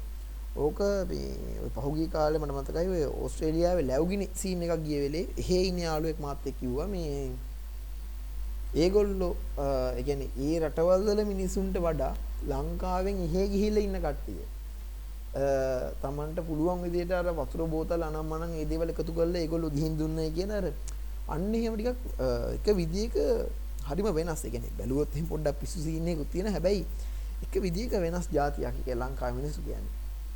ඉතින් ඔන්න ඔහොම සීන් එකක් තමයි මේ වෙද්දි ලංකාවේ තියෙන්නේ. කියන්නේ අර අර වගේ අඩුපාඩු තියෙන ඒවා මැද්දෙන් මිනිස්සු වැඩ කරනවා. ඔය අතරේ ඉතින් ඔය රජයේ ආයතන වල විශාල අඩුපාඩු ප්‍රමාණයක් පහුගිය කාලෙම නිරාවරණය වුණා. මම දන්නේ මේ තොරතුරු දැනගැනීම පනත වගේ දේවල් තිබ්බත් ওই දේවල් වල ඇත්ත තොරතුරු මිනිසුන්ට ගන්න විදියක් නැහැ. ඔගොල්ලෝ දකින්න දිහා අර මේ ඩබ් එකකටත් කියලා තිබ්බේ මොකද්ද? ඖෂධ සංස්ථාවේ තොරතුරු වලට මොකද උනේ කිව්වම සර්වර් එකේ හිලකින් තමයි මේ ටික බිමට වැටලා තියෙන්නේ කියලා. ඉතින් අපිට ඒ වගේ තමයි හිතාගන්න වෙන්නේ. කොහොම හරි දැන් වෙද්දි මිනිස්සු මේ දේවල් ගැන පට්ට විදියට ඇක්ටිව් විදියට ඉන්නවා. අවධානයෙන් ඉන්නවා. මොකද වෙන්නේ කියන එක ගැන ඉන්නවා. හැබැයි මන් දන්නේ මිනිස්සු ඡන්දකදී මොන තරම් ওই දේවල් පාවිච්චි කරයිද කියලා මගේ ප්‍රාර්ථනාවේ තියෙන මිනිස්සු හිතලා බලලා ඡන්ද දෙන ජනතාවක් එන්න. ඒ වගේම තමයි මොකෙක් හරි දැන් අර අර එක ගමනක් වන මතකයි කවුද කෙල්ලෙක් කිව්වේ ටීවී එකේ මොකක් හරි ප්‍රෝග්‍රෑම් එකකට ලක්ෂපති වලට මම දාපු කෙල්ලෙක් කිව්ව මතකයි මේ අපිට ඡන්දක සිද්ධ වෙලා තියෙන්නේ මේ බූරුව ගොඩක් අතරින් අශ්වයෙක් තෝරන්න කියලා. ඒතකොට බූරුව ගොඩක් අතරින් උගන්න තේරෙන්නේ නැති තෝරන්න පුළුවන් තවත් බූරුවෙක් විතර අපිට අශ්වයෙක් තෝරන්න බෑ කියලා. ඒ කියන්නේ අපි හරි ආසයි රටක් විදියට මේ හොඳ දක්ෂ පාලකයෝ සෙට් එකක් අතරින් හොඳ දක්ෂ පොලිටිෂියන්ලා සෙට් එකක් අතරින් හොඳ දක්ෂයෙක් තෝරලා රටේ ජනාධිපති කරන්න ඒ වගේ තැනකට යවන්න. හැබැයි මම දන්නේ මේ වගේ රටවල් වල මේ දේවල් කවදා කොයි කාලේ වෙයිද කියලා.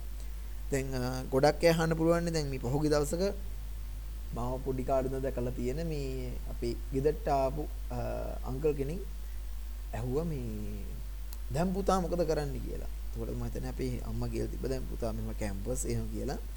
ඊට පස්සේ අහ ගොනි ගොඩ කාලෙකින් දැක්කේ නැහැ කියලා දැන් ඔන්න මට කතා කරලා මම ගියාට පස්සේ ඇහුවා ඕගොල්ලෝ පුතේ අරගල කරේ නැද්ද කියලා. මගෙන් ඇහුවා එහෙම එකක්. මම හරිම කියන්නේ මාරම අන්එක්ස්පෙක්ටඩ් ප්‍රශ්නයක් මං හිතුවේ දැන් අනේ කාලෙක ඉන්නේ දැක්කේ කින්ද මන්ද කියලා හයි කියලා එහෙම මොකක් අන්න වෙයි කෙලිම ඇහුවේ අරක. ඉතින් මං ගුවා අපි අරකල කරා කියලා. ඉතින් මෙහි පස්සේ ගුවා දැන් මේ මේ ආ මේ ආ දැන් කැම්පස් කිව්වහම පස්සේ ජොබ් එකක් අතම් වෙනද මන් දන්නේ නැහැ කියන්නේ මොන වගේ මට්ටමක හිතලා කිව්වද කියලා. ඉතින් එක මිනිසුන්ගේ තින්ගි පැන්නගනේ. ওই වගේ වෙලාවට ඩූන් ගාලා මේ මිනිසුන්ගේ ෆ්ලැට් වල යන මොනවා හරි කියන පුළුවන් එහෙම මට්ටමකට කට තිබ්බත් මං එහෙම දේවල් කියන්නේ නැහැ. පස්සේ ඉතින් ඔය මං අර ඉස්සෙල්ලා කිව්වා අර පිළිවෙලට වල දාපු අරක්කු බෝතල් සිද්ධියයි ඒ ටිකත් කියලා ඉතින් මං කිව්වා ඉතින් එක එක මිනිස්සු හිතන විදියනේ කියලා. ඔය දැන් ඔය ලංකාවේ මන් දන්නේ පොඩ්ඩක් කේස් එකක් තියෙනවා බලන්න මේ ඔය උද්ඝෝෂණයක වුණත් නේ අන්තරේ උද්ඝෝෂණයකට එම ගහනවා ලොඳ හැලෙන්න. හැබැයි වෘත්තීය සමිතියකින් තියෙන උද්ඝෝෂණයකට එම මොම කේස් එකක් වෙනවා හරි අඩුයි අපි දකිනවා. හරිද බලන්න පාර යන මිනිස්සු සමහරක් වෙලාවට අල්ලගෙන කෙලිනවා මේ කැම්පස් එකේ කොල්ලෙක්ට පුළුවන් නම්. හෙල්මට් පාරක් හරි ඇදලා අරනවා. මේ කැම්පස් එකේ මෙහෙම පාර වහලා තියෙන හිම කියලා. උන් කොහොම මේ එක එක විදිහකට ලංකාවේ මං හිතන්නේ මොකක් හරි දැනුම සම්බන්ධ ප්‍රශ්නයක් මං හිතන්නේ තියෙන්නේ. මිනිස්සු ගොඩක් වෙලාවට අපේ අය මේ එකිනෙකා කම්පෙයා කරනවා. හැම තිස්සෙම හිතනවා Tamanට නැති අමුතු එකක් තව කෙනෙක්ට තියෙනවා කියලා. කියන්නේ කැම්පස් නොගිය කෙනෙක් හිතනවා කැම්පස් ගිය කෙනෙක් Tamanට හිතා ගන්න බැරි විදිහක් උන් එක්ස්පීරියන්ස් කරනවා මුන් තමයි ඔක්කොම දන්නේ කියලා තන් ඉන්නේ එම කොහොමද එහෙම කියලා.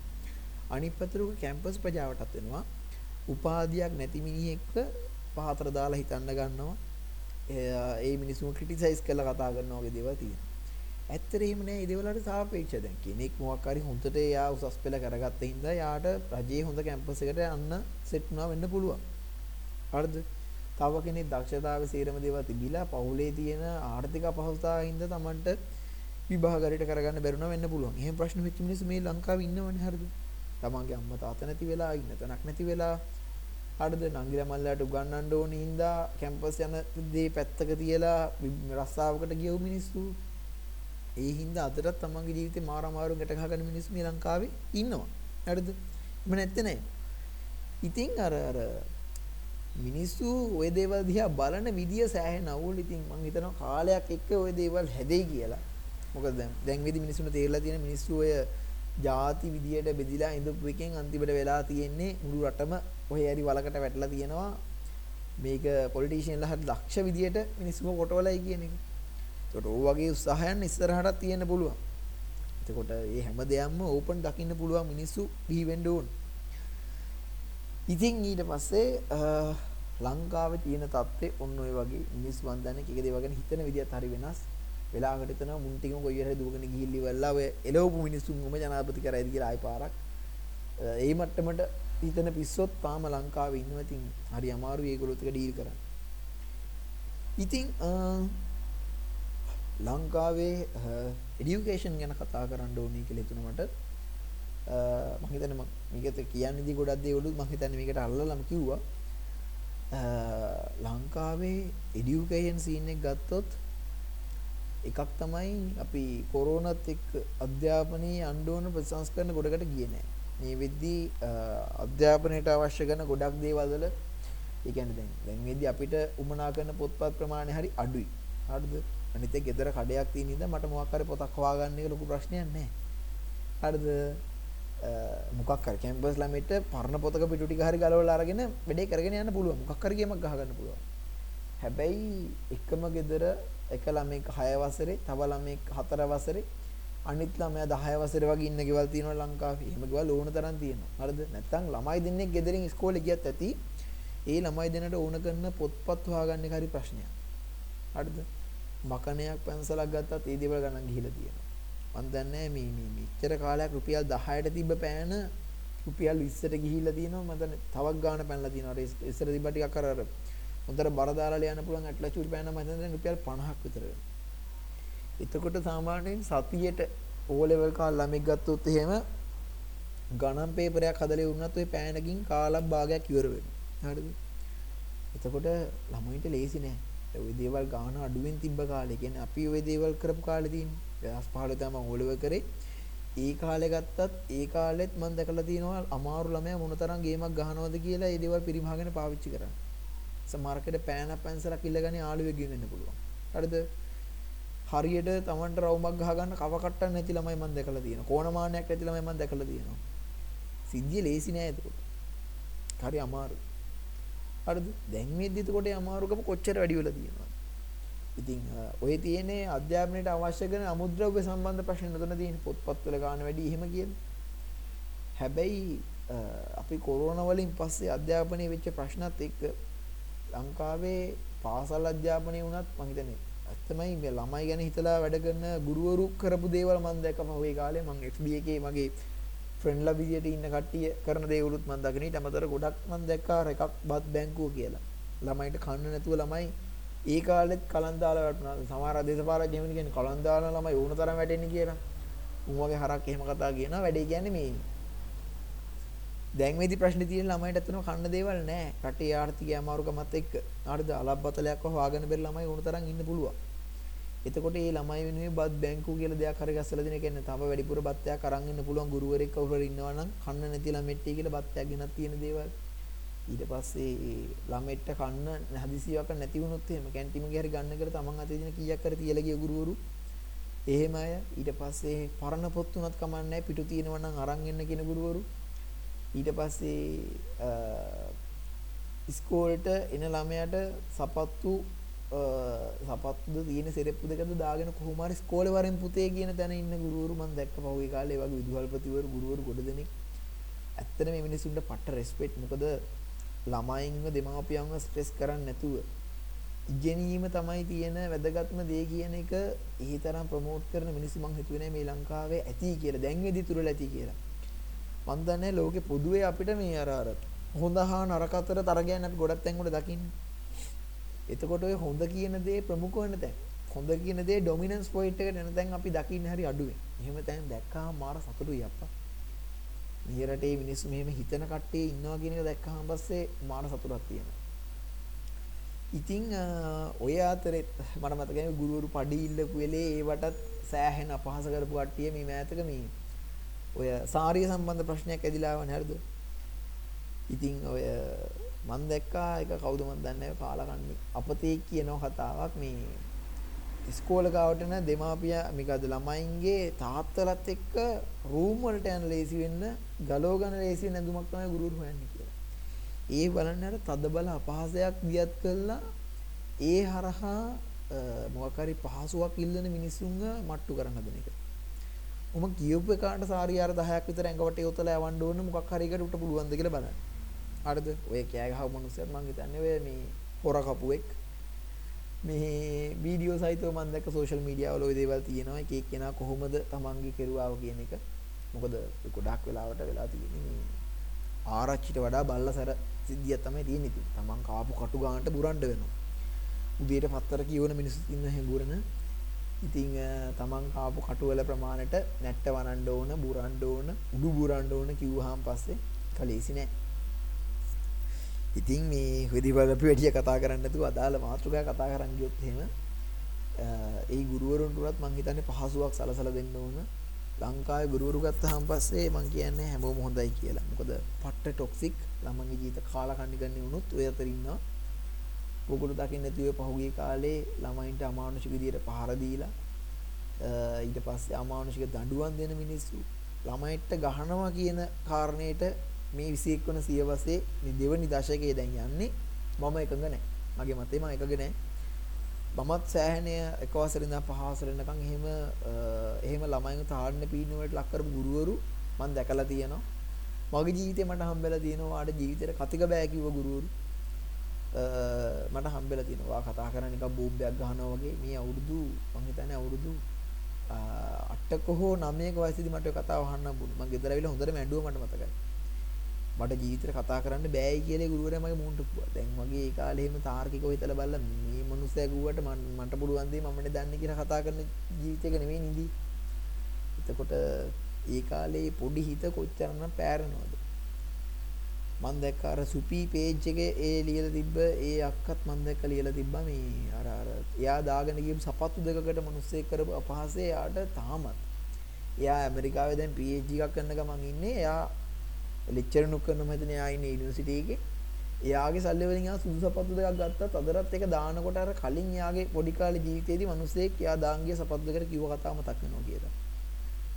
ඔය වගේ ඔය ලෙවල් එකෙන්ම ළමයින්වත් සෑහෙනම තාඩන පීන්නවට පත් වෙන ගුරුවරු ඉන්නවා. මං කියන්නේ ඉංග්‍රීසිුම නම් මේ ඒ අයට විරුද්ධව අනිවාර්යයෙන්ම නීතිය ක්‍රියාත්මක වෙන්න ඕන.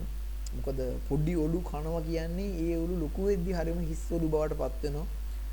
ඊට පස්සේ සමහර ගුරුවරු ගන්න ක්‍රියාමාර්ගින්ද ළමයි නිකන් අමු සත්තු වගේ වෙන්න පුළුවන්.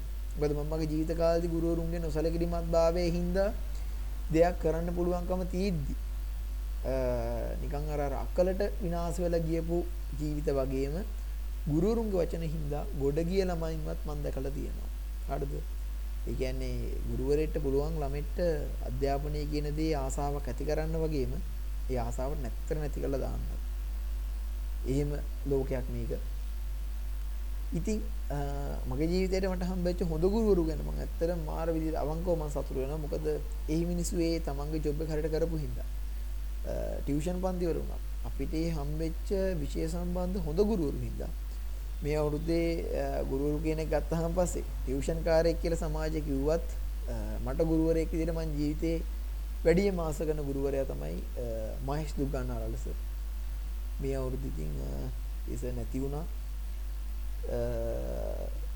මම දන්න විදිහට මහේෂ් සර් කියන්නේ නිදි මරාගෙන මහන්සි වෙලා ළමයි වෙනුවෙන් වැඩ කරපු චරිතයක්. අතරත් මගේ මේ සුඩ තියෙනවා ඒ සර් දීපු ඔය ක්ලාස් ගිය කට්ටියට නම් මතක ඇති. ඒ ලෙවල් ෆිසික්ස් ප්‍රැක්ටිකල් වලට දීපු පොතක් තියෙනවා තැඹිලි පාට පොතක්. ඕකේ මුල්ම එඩිෂන් එකේ දීපු පොත මං ගාව තියෙනවා අතරත්. ඒ පොත සර් නැති වෙච්ච වෙලේ මට මතකයි මම මගේ මේ සුඩින් ගෙනලා තියාගත්තා. ජීවිතේ පළවෙනි වතාවට මිනිස්සෙක් නැති වෙච්ච එක ගැන දුකට මම අඬපු අවස්ථාව තමයි මම හිස්සේ නැති වෙච්ච අවස්ථාව. මොකද සර් ඒ උගන්වන විදිය පන්ති කවදාකවත් වෙන ගුරුවරයෙක් ගැන විවේචනයක් කරන්නේ නැතුව ඒ තමන්ගේ සබ්ජෙක්ට් එක හරියටම ළමයි ඩෙලිවර් කරපු විදිය ඒක ඇත්තටම පට්ට. ඉතින් මම සෑහෙන්න අදටත් ඒ උගන්වන විලාසයට හරි ආසයි. ඉතින් ඒක ලොකු පාඩුවක් නැති වෙච්ච එක ඒස ඉතින් මේ වෙලාව මම අවස්ථාව කරගන්නවා මම හිස්සව මතක් කරන්න. මොකද ගුරුවරු ගැන කතා කරද්දී එහෙම කතා නොකර බැරි චරිතයක් ඒ. ඉතින් කොහොම හරි ජීවිතේ හම්බෙච්ච හොඳ ගුරුවරු අපිට ඒ දේ හරියටම කරපු ගුරුවරු ගැන මම සාන සතුටු වෙනවා. ඔය අතරේ මොකක් හරි ගණන් උගන්වනවා කියලා අච්චු පොතේ අපි අච්චු පොත කියලා කියන්නේ පීපල්ස් බුක් එකට හරිද? අච්චු පොතේ උදාහරණ වශයෙන් තියෙන ගානම ඒක බලාගෙන බෝඩ් එකේ හදලා ඉරි දෙක ගහලා උත්තරේ දාපු ගුරුවරුත් මම දැකලා දෙනවා ජීවිතේ. ඊට අමතරව තමා උගන්වන දේ හරියට උගන්වලා තමන්ම හදපු ෂෝට් නෝට් එහෙම ගෙනත් දීපු ගුරුවරු මම දැකලා තියෙනවා. ඒකේ තේරුම ගුරුවරයෙක් ළමයින්ට හැමදේම දෙන්න ඕන කියන දේ නෙවෙයි. හැබැයි තමන්ට පුළුවන් උපරිමේ ළමයි වෙනුවෙන් කරන ගුරුවරු මම දැකලා තියෙනවා. ඉතින් ජීවිතේක විදිහක වාසනාවක් එහෙම ගුරුවරු හම්බෙච්ච එක. එතකොට ලංකාවේ එඩියුකේෂන් සිස්ටම් එක මේ වෙද්දි සෑහෙන ලොකු අර්බුදයක තිබ්බත් විශාල ප්‍රමාණයක් ගුරුවරු මම දැකලා තියෙනවා. ඒ වෙනුවෙන් ගේමක් ගහනවා. ළමයින්ටත් සෑහෙන දේවල් වලට ඇඩ්ජස්ට් වෙන්න සිද්ධ වුණා. තමන්ට ඕන කරන දේ තමන්ට අධ්‍යාපනය කියන දේ හරියට ලබා ගන්න ලොකු ගේමක් අහන්න. ඕ ලෙවල් ඒ ලෙවල් ළමයි දෙගොල්ලන්ටම මම මගේ channel එකේ මම වීඩියෝ එකක් දැම්මා පහුගිය කාලේ මම education content කීපයක් කරා මේ අවුරුද්දේදී. මම ඇත්තටම මේ මේ කාලේ කරන්න දපු දේවල් නෙවෙයි. හැබැයි අර රටේ තියෙන ප්‍රශ්නේ දිහා දැකලා මම කරපු දේවල් ඇත්තටම මට මතකයි මම ඒක මේ මගේ යාළුවන්ගෙනුත් අහලා තමයි මම මේ වැඩේ කරේ. මොකක්ද අපිට මේ වෙලාවේ ළමයි වෙනුවෙන් කරන්න පුළුවන් කියලා. මොකද ඒ විද්දිත් ගොඩක් ඔය ඕලෙවල් කරන ළමයිට සෙමිනාර්ස් කරන ඒ වගේ දේවල් කට්ටිය කර කර තිබ්බේ. හැබැයි මේ අතක මටත් සෙට් වුණා එහෙම වැඩක් කරන්න මම මගේ ජෙනුවින්ඩි Facebook page එකේ මම මේ කතාව ලියලා ඇති. ඕලෙවල් ළමයින්ට මම ප්‍රජනක පද්ධතිය කියන්නේ කොහොමද කියලා මායි අපේ කැම්පස් එකේ තව යාළුවෙක් ගලයා කියලා ඒක අපේ කැම්පස් එකේ ලියෝ ක්ලබ් එකේ වැඩක් අපේ බිම්සරගේ තමයි මම දැන් ප්‍රොජෙක්ට් එක. ඉතින් එතනත් පට්ට වැඩක් කරන්න පුළුවන් වුණා. ඉතින් ඒකත් ඔන්න මතක් කරා. ඊළ බලන්න පේජ් එකේ තියෙන මෑතක දාපු කතාවක් ඒක. ඔය විදිහට අපේ රටේ අධ්‍යාපන ක්‍රමයේ ටිකක් අර්බුදයක තියෙන සමයකත් අපිට අර හොඳ හා නරක ඩිංකෙවි දකින්න හම්බ වෙනවා. එතකොට ඒ අතර තමයි ඔය පාසල් ශිෂ්‍ය ප්‍රජාව අතරේ මත්ද්‍රව්‍ය සෑහෙන වැඩි වෙලා බුදු අම්මෝ රටේ සංස්කෘතිය විනාශ වෙලා වගේ එකක් තමයි මම හිතන්නේ මේ වෙදී මේජ් එක යවන්න දන්නේ. ඇත්තටම ළමයින් මත් වෙන දේවල් පාසල් වලට එන්න පුළුවන් හරි ලේසියි. ඒවා වළක්වන්න මන් දන්නේ එච්චර සක්‍රීය ක්‍රියාමාර්ග දකින්න නැහැ. ඔය තූල් තියෙන දේවල් ඊට පස්සේ ඔය එක එක විදිහේ ළමයි ඒ කාලට අර අර මත් වෙන්න පාවිච්චි කරන ක්‍රම කියන දේවල්. ඒ ඒ තමන් ජීවිතේට සමාජ මට්ටමේ හොයාගන්න පුළුවන් දේවල් අනුව. හරිද? දැන් මත් මුද්දරේ හොයාගන්න සල්ලි තියෙන එක ඒක පාවිච්චි කරන්න පුළුවන්. අයිස් ගහන්න සල්ලි හොයාගන්න තියෙන එක අයිස් ගහන්න පුළුවන්. හරිද? ඊට අමතරව ඔය තියෙන දුම්කර නැට්ටකින් මොන හරි තලා ගන්න පුළුවන් එක එහෙම දෙයක් කරනවා වෙන්නත් පුළුවන්. හරි. ඉතින් ඒ දේවල් වළක්වන්න සක්‍රීය ක්‍රියාමාර්ග ගන්න ඕනේ. ඒ දේවල් වලට දාලා වැටලීම් කරන්න ඕන. ළමයින් වලට පොළඹවන කට්ටිය අනිවාර්යෙන් ඒවට අත්තරන් කොට ගන්න ඕනේ. ඒව අපි නෑ කියන්නේ හැබැයි ඔය වගේ ප්‍රශ්නයක් පදනම් කරගෙන සමාජයට වැරදි පණිවිඩයක් යනවා නම් අන්න ඒකේ ලොකු අවුලක් තියෙනවා. දැන් පහුගිය කාලෙම ඔයගලන්ට තේරෙනවා ඇති ගොඩක් අවස්ථාවලදී එක එක දේවල් සමාජයේ අපිට ටිකන් අර අර පොප් අප් වෙලා එනවා සමාජෙට. හරිද? එතකොට ඒ ඕන දෙයක වැඩක් තියෙන දැන් කෙනෙක් කියන්න පුළුවන් මොකක් හරි දැන් ඇත්තටම කතා බහක් ඇති වෙන්න ඕන දෙයකදී කියන්න පුළුවන්. ආපෝ දැක්කද බලන්න මේ තියෙන පොදු ප්‍රශ්න මතක කරන්න මේ වගේ. අනිත් පැත්තට පොදු ප්‍රශ්න මතක කරන්න දේවල් ගේනවා. ඔය පැති දෙකම දකින්න පුළුවන් වෙනවා. හරිද? ඔය පැති දෙකම දකින්න පුළුවන් වෙනවා. අන්න ඒකටයි මම කිව්වේ මේක ඇනලයිස් කරලා හිතන්න පුළුවන් වෙන්න ඕනි කියලා. රටේ ප්‍රශ්න අමතක කරන්න මාස් මීඩියා එකකින් වෙන්න පුළුවන් සෝෂල් මීඩියා වලින් වෙන්න පුළුවන් ගේන දේවලුත් තියෙනවා. හරිද? අනිත් පැත්තට අපිට මේ මේ කියන මේ සමස්තය විකෘතියක් කරලා පෙන්වන දේවල්. හරිද? එහෙම දේවලුත් තියෙනවා. ඒ කියන්නේ අපි ප්‍රශ්න කරන්න ඕන දේවල් වගේම ඇත්තටම මේ අර මේ සමස්තය විකාර විදියට පෙන්වන එහෙම දේවලුත් තියෙනවා. ওই දෙපැත්තම දකින්න පුළුවන් වෙන්න ඕන. මයිකටයි කිව්වේ මේ අර අර ඕපන් විදියට දකින්න පුළුවන් මිනිස්සෙක් බී වෙන්න ඕන එකයි කියලා. ඒකයි මං ඕපන් ඉදිරි දකින්න ඕන මිනිස්සු මේ සමාජයට ඕන. එහෙම නිර්මාණය කරන එක තමයි අපි කරන්න ඕන වැදගත් දෙයක් කියලා. ඊට පස්සේ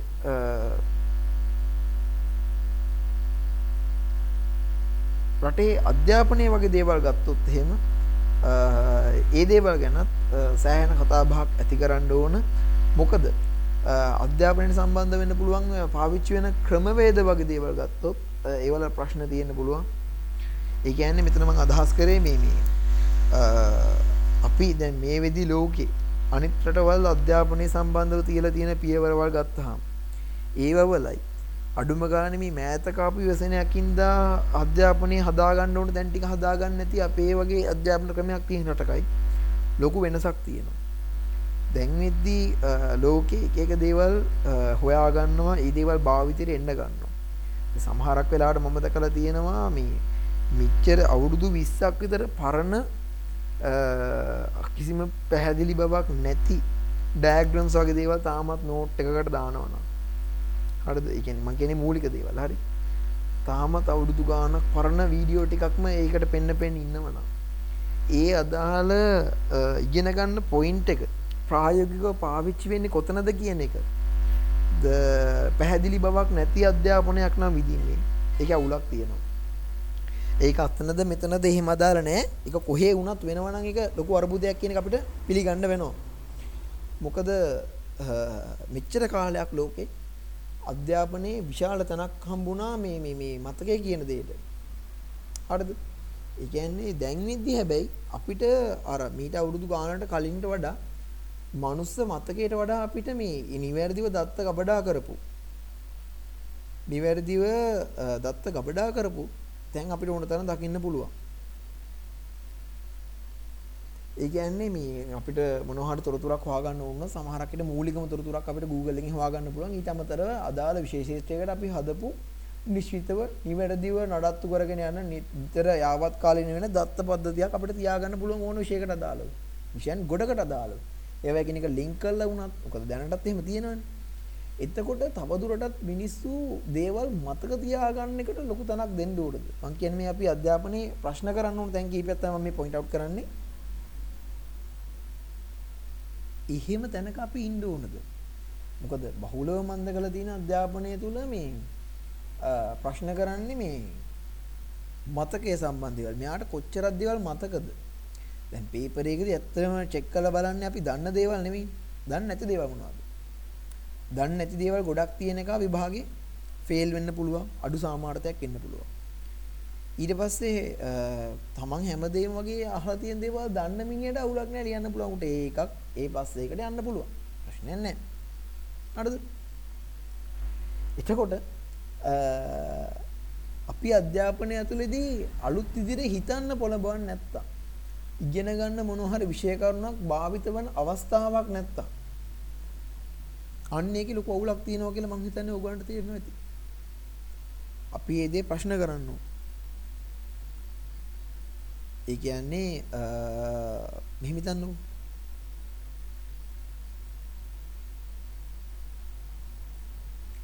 ඔයාලා හිතන්න මේ මොනවා හරි තමන් ඉගෙන ගන්න කාරණාවක් තියෙනවා. ඒ මෙතනදී මේ අදහස් කරන්නේ අර අර මේ මූලික අවබෝධ ගන්න ඕන දේවල් එපා කියන එක නෙවෙයි. අන්න එහෙම හිතන්න පුළුවන් කෙනෙක්. ඒකත් මුලින්ම ගෙලින්නම්කෝ. මෙතන මේ කියන්නේ මතකයේ කියන දේ පරීක්ෂා කිරීමේ වැලකී සිටින්න එපා කියන එක නෙවෙයි. දැන් කෙනෙක් කියන්න පුළුවන් කවුරු හරි කෙනෙක් ප්‍රායෝගිකව දෙයක් පාවිච්චි කරන්නත් යාට මොන හරි විෂය කරුණක් මතක තියෙන්න ඕන හොඳට කියලා. ඒ පොයින්ට් එක එකඟයි. මං කියන්නේ අපි වැඩිපුර අවස්ථාවක් දීලා තියෙන මතකයට. එතකොට ප්‍රායෝගික පැත්ත අපි බලන්න එපාද? දැන් ලෝකේ රටවල් ගොඩක් ඒ පැත්තට යනවා කියලා අපිත් නිකන් රැල්ලට ඒ පැත්තට යන් කියන එක නෙවෙයි මං කියන්නේ. තමන්ගේ රටට ගැළපෙන අධ්‍යාපන ක්‍රමයක් අපි හදන්න ඕන. ඒක ඇත්ත. අපි මේ වෙද්දි අධ්‍යාපනයේ තියෙන එක එක සිදුරුත් දැකලා තියෙනවා. දැන් ගොඩක් වෙලාවට අර මේ අපේ අධ්‍යාපන ක්‍රමයේ උදාහරණයක් දක්වන්නේ මේ කුරුල්ලෙකුයි වඳුරෙකුයි අලියෙකුයි ඊට පස්සේ අපි හිතමුකෝ කවුරු හරි ඔය සත්තු දුනා ගන්නකෝ මේ සත්තුන් දෙනාට කියනවා අපි ගහන්න නගින්න කියලා හරිද ගහට නගින්න හොඳටම හැකියාව තින්නේ වඳුරට වඳුර ගහ දිගේ දරබඩ ගාලා නැගලා ගිහින් ගහේ මුදුනටම යනවා බෑ අලියට ගස් නගින්න බෑ හරිද කුරුල්ල පියාඹලා ගිහිලි වල ගහ දිගේ නැග්ගේ නැතත් ගහේ උඩ වහන්න පුළුවන් ඔන්න ඔය වගේ තමයි අපේ අධ්‍යාපනය තුළ ගොඩක් වෙලාවට ඉගෙන ගන්න දේවල් වලට ලැබිලා තියෙන තැන. ඒ කියන්නේ දැනටත් තියෙන සමහරක් වෙලාවට සමහරක් උපාධි පාඨමාලා වෙන්න පුළුවන්. ඊට පස්සේ ඉස්කෝලේ පාසල් විෂය දේශයට ඉගෙන ගන්න දේවල් තියෙන්න පුළුවන්. ළමෙට්ට ඒක විභාගෙදී මොකක් හරි ප්‍රශ්නයකට ආවොත් ඇරෙන වෙන කිසිම තැනකදී මේ දේවල් අවශ්‍ය වෙන්නේ හැබැයි රටේ විශාල මුදල් ප්‍රමාණයක් මේ දේවල් වියදම් කරන් තමයි මේ දේවල් උගන්වන්නේ. ළමයිත් වියදම් කරන් තමයි මේ දේවල් ඉගෙන ගන්න.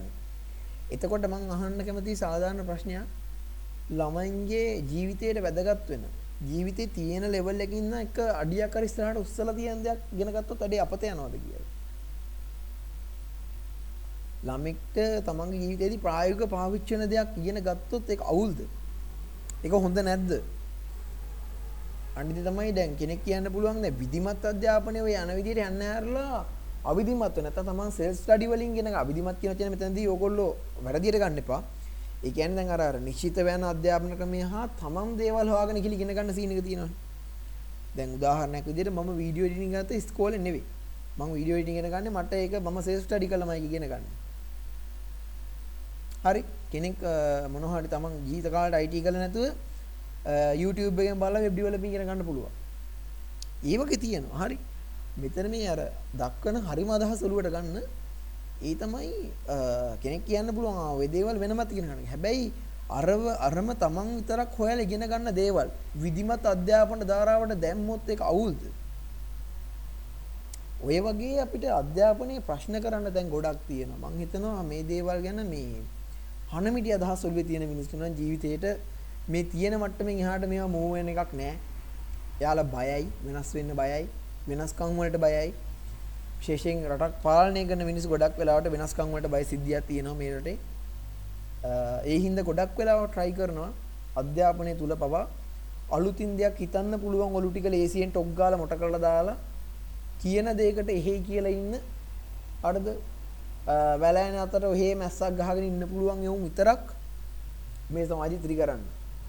හරිද? ඒක ඔයාලා මේ මේ සමාජය හොඳට ඇනලයිස් කරලා බැලුවොත් තේරෙයි.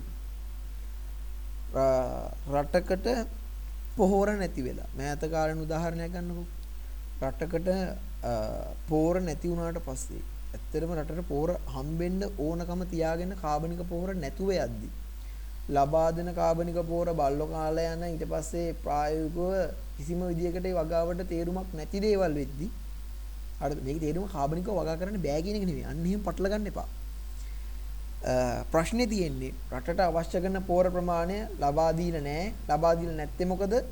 ඒ අදාළ පාලකයෝ ගත්ත වැරදි තීන්දුව. අනිත් තමයි පෝර ගන්න හම්බෙන සල්ලි වලුත් වෙනම ගාණක් නැති වෙලා තියෙන්න පුළුවන්. ඒ වගේ ප්‍රශ්න ඇති වෙලා තියෙනවා. ඒ කියන්නේ හොරකම හා පාලනයේ අසමත්භාවය වගේ දේවල් මෙතනදී මේ ප්‍රශ්නෙට මූලික වෙලා තියෙනවා. එහෙම තියෙනකොට නිකන් දිගටම ප්‍රොමෝට් කරන්නේ මේ පාලකයෝ මොනවා කරත් ඕගොල්ලෝ ගෙදර වවාගෙන කණ්ඩෝන වගේ දේවල් නෑ. ඒක තේරුම් වෙයි ගෙදර වවාගෙන කන්න එපා කියන එක ඒක වැරදි කියන එකද නෑ. ප්‍රොමෝට් කරන කන්සෙප්ට් එක අරගෙන. මොකද හැමෝටම ගෙදර වවාගෙන කන්න බෑනේ. ප්‍රායෝගිකව වන්ට තේරෙන්නේ නැතිනේ. දැන් ෆ්ලැට් එක ජීවත් වෙන මිහිට වවන්න පුළුවන් ලිමිට් එකක් තියෙනවා. මොනවා වැව්වත්. පොලිම මිරිස් ගහක් වවයි. හරිද? හැමෝටම වවන්න ඉඩම් තියෙනවද රටේ නෑ. වවන්න පුළුවන් හැම අස්තික මුල්ලකම වපංගුවට එක ප්‍රායෝගිකද? ඒත් නේ. වවන්න පුළුවන් එක වවනවා අනික ඒකත් හැමෝටම වවන්න බෑනේ. ගහක් රැක බලාගෙන එකෙන් පළදාවක් ගන්නවා කියන එක වෙනම ස්කිල් එකක්. හරිද? ඒකට ගොවියා කියන කෙනාට තමයි අපේ සමාජයේ ඒ ස්කිල් එක හොඳටම තියෙන්නේ. හරිද? පැලයක් පවන්න තියා තමන්ගේ දත් ටික ඔකත් මද ගන්න තේරෙන්නේ නැතිම මිනිස්සුත් මේ සමාජ ජීවත් වෙන්න පුළුවන්. හරි? එතකොට එක එක්කෙනාට තමන්ගේ ફોකස් එක දක්වන්න පුළුවන් පැති වෙනස් වෙන්න පුළුවන්. දැන් කෙනෙක්ට පුළුවන් වෙන්නේ සමහරක් විට කම්පියුටරයක් ඉස්සරහා ඉඳගෙන එක දිගට පැය 20ක් විතර වැඩ කරන්න පුළුවන් වෙන කෙනෙක්. එතකොට එයාට අරම අර වගේ එලි වහන්න දෙයක් කරන එක අමාරුයි. එතකොට ඕගොල්ලෝ හිතලා බලන්න මොන තරම් ප්‍රායෝගිකද කියලා. ආ වවාගෙන කාපන්. ඉස්සර අපේ රජදරුවන්ගේ කාලේ ඉඳන් වවාගෙන තමයි කෑවේ. එහෙම කියන්න බෑ. ඒක හරිය සාපේක්ෂයි මිනිස්යාගේ මිනිස්යාට. එතකොට රටේ තියෙන පොදු ප්‍රශ්නේ වෙච්ච වගා කරන මිනිස්සුන්ට මොකද රටේ හැමෝම වවන්නෙත් නැහැ. හැමෝටම වවන්නත් බෑ. දැන් අපේ හරිය අපිට කුඹුරු කරන්න ඉඩ නැහැ. මේවල තේ රබර් කුරුදු වගේ දෙයක් වැවුවොත් තමයි. හරිද? බිඩිස් පැලයක් හදන්න පුළුවන් ගෙවත්තක් තියෙනවා තමයි. හැබැයි අර හැම මගුලම ගෙදර වවාගෙන කන්න බෑ මොකද හැම එකාගම ගෙදර විවිහන් ඉන්නද නෑනේ. එතකොට රටේ කුඹුරු කරන රටට මේ මේ මේ රටේ තියෙන හාල් අවශ්‍යතාවයේ සපයන්න පුළුවන් මිනිස්සුන්ට අවශ්‍ය කරන පෝර නැති එකයි ප්‍රශ්නේ. ඒ හින්දා කන්න නැති වෙලා තියෙන්නේ. හරිද? එතකොට මම දැන් එතනදි කියන්නේ ආ එහෙනම් මේ මොනවද බත් කන්න නැත්නම් සදාකාලික බඩගිනි ඉඳපන් වගේ එකක්. නෑ කොහොම හරි හොයාගන්න ඕන. හැබැයි ප්‍රශ්නේ තියෙන්නේ ඒ මූලික ප්‍රශ්නේ අමතක කරලා අපි වෙන දේවල් කතා කරනවා. එතනදී අර gedara වවාගෙන කාපන් කියන ඒ පොයින්ට් එක ඇතුලේ පාලකයාගේ තියෙන අසමත්කම ලැබෙන්න ඕන දේවල් නොලැබී යාම වගේ දේවල් රටකට ප්‍රතිපත්ති ඕන ඇයි කියන එකට මේ රටේ කුෂිකර්ම ප්‍රශ්නය ගැනත් මම හිතන්නේ මම කතා කරා මගේ මතකේ හරින. ඒකත් අහලා බලන්න මීට කලින් පොඩ්කාස්ට් එපිසෝඩ් එක. එතකොට ඔයාලට තේරෙනවා ඇති මොන වගේ ලෙවල් එකකද මේ ප්‍රශ්න ඔක්කොම තියෙන්නේ කියන්නේ. මේ සමාජ ඇත්තටම හරිම වෙනස්. එක එක විදිහේ දේවල් තමයි මේක ඇතුලේ පොප් අප් වෙන්නේ. උඩ යන්නේ පහළ යන්නේ. ඒ හැම දෙයක්ම අපිට ඇනලයිස් කරලා දකින්න පුළුවන් වෙනවා. ඔයා මොන වෘත්තියක ඉඳියත් ඔයාට ඒ දේ දකින්න පුළුවන් වෙනවා. ඉතින් ලංකාව අතෑරලා මිනිස්සු මේදී කොට දෙනෙක් පිටරටකට යන්න අරන් තියෙනවා. දැන් කෙනෙක් කිනොට රාදර යන්නේ නැහැ මු. මෙන් ඉගෙනගෙන මෙහෙටම ගණන් ගන්න නැතුව යනවා. එතකොට මං අහන්නේ මේ මිනිස්සු අර අර තමන්ගේ ඉන පීස් එක තියාගෙන තමන්ගේ දක්ෂතාවයට ඇත්ත මුදලක් හොයාගන්න එක වැරදිද? මෙහි අතෑරලන හැම එකම රටට දූහි වෙච්ච උන් වගේද දකින්නේ මං අහන්නේ. මේකේ හොඳට කාලය ඉඳලා ඉන්න පුළුවන් තත්ත්වයක් තිබ්බනම් අනිත් පැත්තට මිනිස්සු යයිද? ඒකත් අහන්න එපානේ. දැන් කියන තරම් මාර එකක් මේ රටේ තාම ඉතුරු කරලා තියෙනවා. මම දැක්කස් ගොඩාක් කට්ටිය ප්‍රොමෝට් කරනවා තාමත් ලංකාව කියන්නේ මොකක් හරි ගේමක් ගහන්න එකට ඉන්න පුළුවන්. යකෝ ගේමක් ගහන එකට ඉන්න පුළුවන් කියන එක නේ පොයින්ට් එක තියෙන්නේ. බල්ලෙක් කෑවට පස්සේ පාරේ කොහේ හරි යද්දි තන්නකො වාහනේ බහැලා යනකොටම බල්ලෙක් කන අහු ගාලා කකුල. හරිද? එහෙම බල්ලු හපා ගන්නව නේද? කෑවට පස්සේ හදිස්සියකට ජල බීතිකා එන්නත විද ගන්න විදියක් නැතුව රටවටේ දුවන්න වෙනවනම්. හරිද? මොකද ඔය හැම එකාටම අසනීපයක් වුණාට පස්සේ ඉන්දියාවට ගිහිල්ලා සිංගප්පූරුවට ගිහිල්ලා බෙහෙත් ගන්න සල්ලි නැහැනේ. එතකොට හදිස්සියට විද ගන්න ජල බීතිකාවක් නැත්තම් අර එමේ හොස්පිටල් වලට කය ගහලා ඉන්න වෙනවනම්. වැරදිලා හිතන්න මිනිස්සෙට එහෙම එන්නතක් නැතුව තිබිලා මිනිස්සුන්ට ජල බීතිකාව ඇදලා මැරුණොත් මොකද කරන්නේ? එහෙම වෙන්නේ නැත් මේ සමාජයතේ. හදිසියේ යකඩ කම්බියකට කකුල මොන හරි කැපිලා මොකක් හරි ජරමරයක් වෙලා පිට ගැස්මෙන්න තක් විද ගන්න නැත්තම් තමන්ගේ අම්මට තවතර තියෙන අසනීපෙට බොන්න බෙහෙත් ටික හොයාගන්න නැත්තම් අන්න තේරෙනවද එක තැනක් අවුල්. මහන්සි වෙලා ෆයිබර් කරලා හරි හිතනකො මිනිස්සෙක් BMW එකක් ගත්තා කියලා. ඌන්ට ගහගන්න තෙල් ටික නැත්තම් තෙල් ටික ගහගන්නත් බ්ලැක් මාකට් එකෙන් තෙල් ගන්න වෙනවා හරිද? දැන් සල්ලි තියෙනවනේ. සල්ලි තියෙනද බ්ලැක් මාකට් එකෙන් තෙල් අරන් ගහගන්න වෙනවා පට්ට ගාන ටැක්ස් ගෙවලේ ඔක්කොම ටිකත් කළා. Tamanට මේ රටේ ජීවත් වෙන්න මූලික දේවල් නැත්තම්. ඔය දේවල් අදාළ වෙන්නේ නැති කොටසකුත් ඉන්නවා.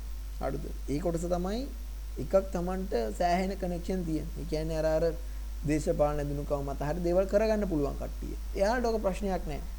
ඊට පස්සේ අම්මට සිරි වෙන්න සල්ලි තියෙන මිනිහට මොකක් හරි කරගන්න පුළුවන්. එයාලට ප්‍රශ්නකුත් නැහැ. ඒ අරින්න බහුතරයක් මිනිසුන්ට මේ සමාජයේ ජීවත් වෙන්න සමාජ ජීවත් වෙනවා කියන එකට අතර ජීවිතේ රැකගන්න කියන තැනට අරුබුදයක් ඇති වෙලා තියෙනවා මේ ක්‍රමයේ ඇතුලේ මේ සිස්ටම් එක ඇතුලේ පට්ට අවුලක් තියෙනවා. ඒකට ඔන්න ඔහොම අවුලක් තියෙන රටක තමයි අපි ජීවත් වෙන්නේ.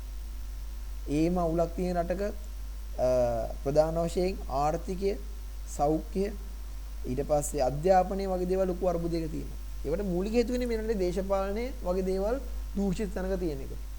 අමතක කරන්න එපා ඔය දේශපාලනය වගේ දේවල් වලට අමතරව ඒ දේශපාලන නඩත්තු කරන පිරිසක් ඉන්නවා. ඒක මීඩියාවල ඉන්නවා ඔය රජයේ මොකක් හරි රාජ්‍ය නිලධාරීන් විදිහට ඉන්න පුළුවන්. ඊට පස්සේ තමන් දරන ගොබ්බ මතේ එහෙමම නඩත්තු කරන පුරවැසිවතිනුත් ඔයක කියන දේ ආරක්ෂා වෙනවා. උන් තමයි කියලා ඡන්ද දාන්නේ මීහරක් වගේ. හරිද? ලැබෙන එක ටකරම කියන්නේ එක මිනිස්සෙගේ ගෙදරක් හදාගන්න ටකරන් ටිකක් හම්බුනහම එක ටකරම එක මිනිහට ගන්න දෙන දේශපාලඥයෝ ඉන්නවනේ හරිද? එතකොට මේ මිනිස්සු ටකරම අරන් යනවා. අනේ ඉතින් මේක දෙකට කපලා ලැට් එකේ දොරට හරි දාන්න පුළුවන් කියලා අරන් යන්නේ උන් ඉන්නවා. හරි එහෙම කොටසක් මේ සමාජයේ ඉන්නවා. වැලි පර්මිට් එක ගන්න ඕනින්ද මොකෙට හරි වැඩ කරන කට්ටිය ඉන්නවා. ඒ පහුගිය කාලේ එහෙම එක එක Tamanට වාසි තියෙන ඒවටත් හොයියා කියලා දුවපු මිනිස්සුන්ටත් වෙච්ච දෙයක් නැහැ.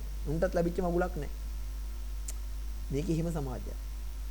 ඔය වගේ අර්බුදකාරී එක එක විදිහේ දේවල් ගොඩක් වෙච්ච. හරිද? හිතා ගන්න බැරි දේවල් වෙච්ච දැන්. හිතන්නකෝ ලංකාවේ ඒෂියා කප් එක දෙන කෙනෙක් ක්‍රිකට් වල එහෙන ලොකු ලොකු විදීමක් ඇති වෙච්ච. ඊට පස්සේ බාසිලෝනා ටීම් එකේ ඉන්න හින්දා රටේ නැති කයි කතන්දර අහපු මෙසින්ද ආජෙන්ටිනා ටීම් එක වර්ල්ඩ් කප් එක දිනනවා. FIFA වර්ල්ඩ් කප් එක. ඊට පස්සේ එකට එකක් වෙනස්.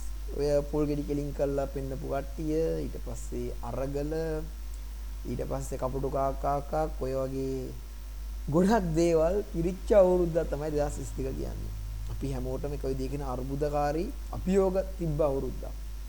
එතකොට 2020 21 කියන්නේ කොරෝනාත් එක්ක ඩීල් කරන්න වෙච්ච අවුරුද්ද.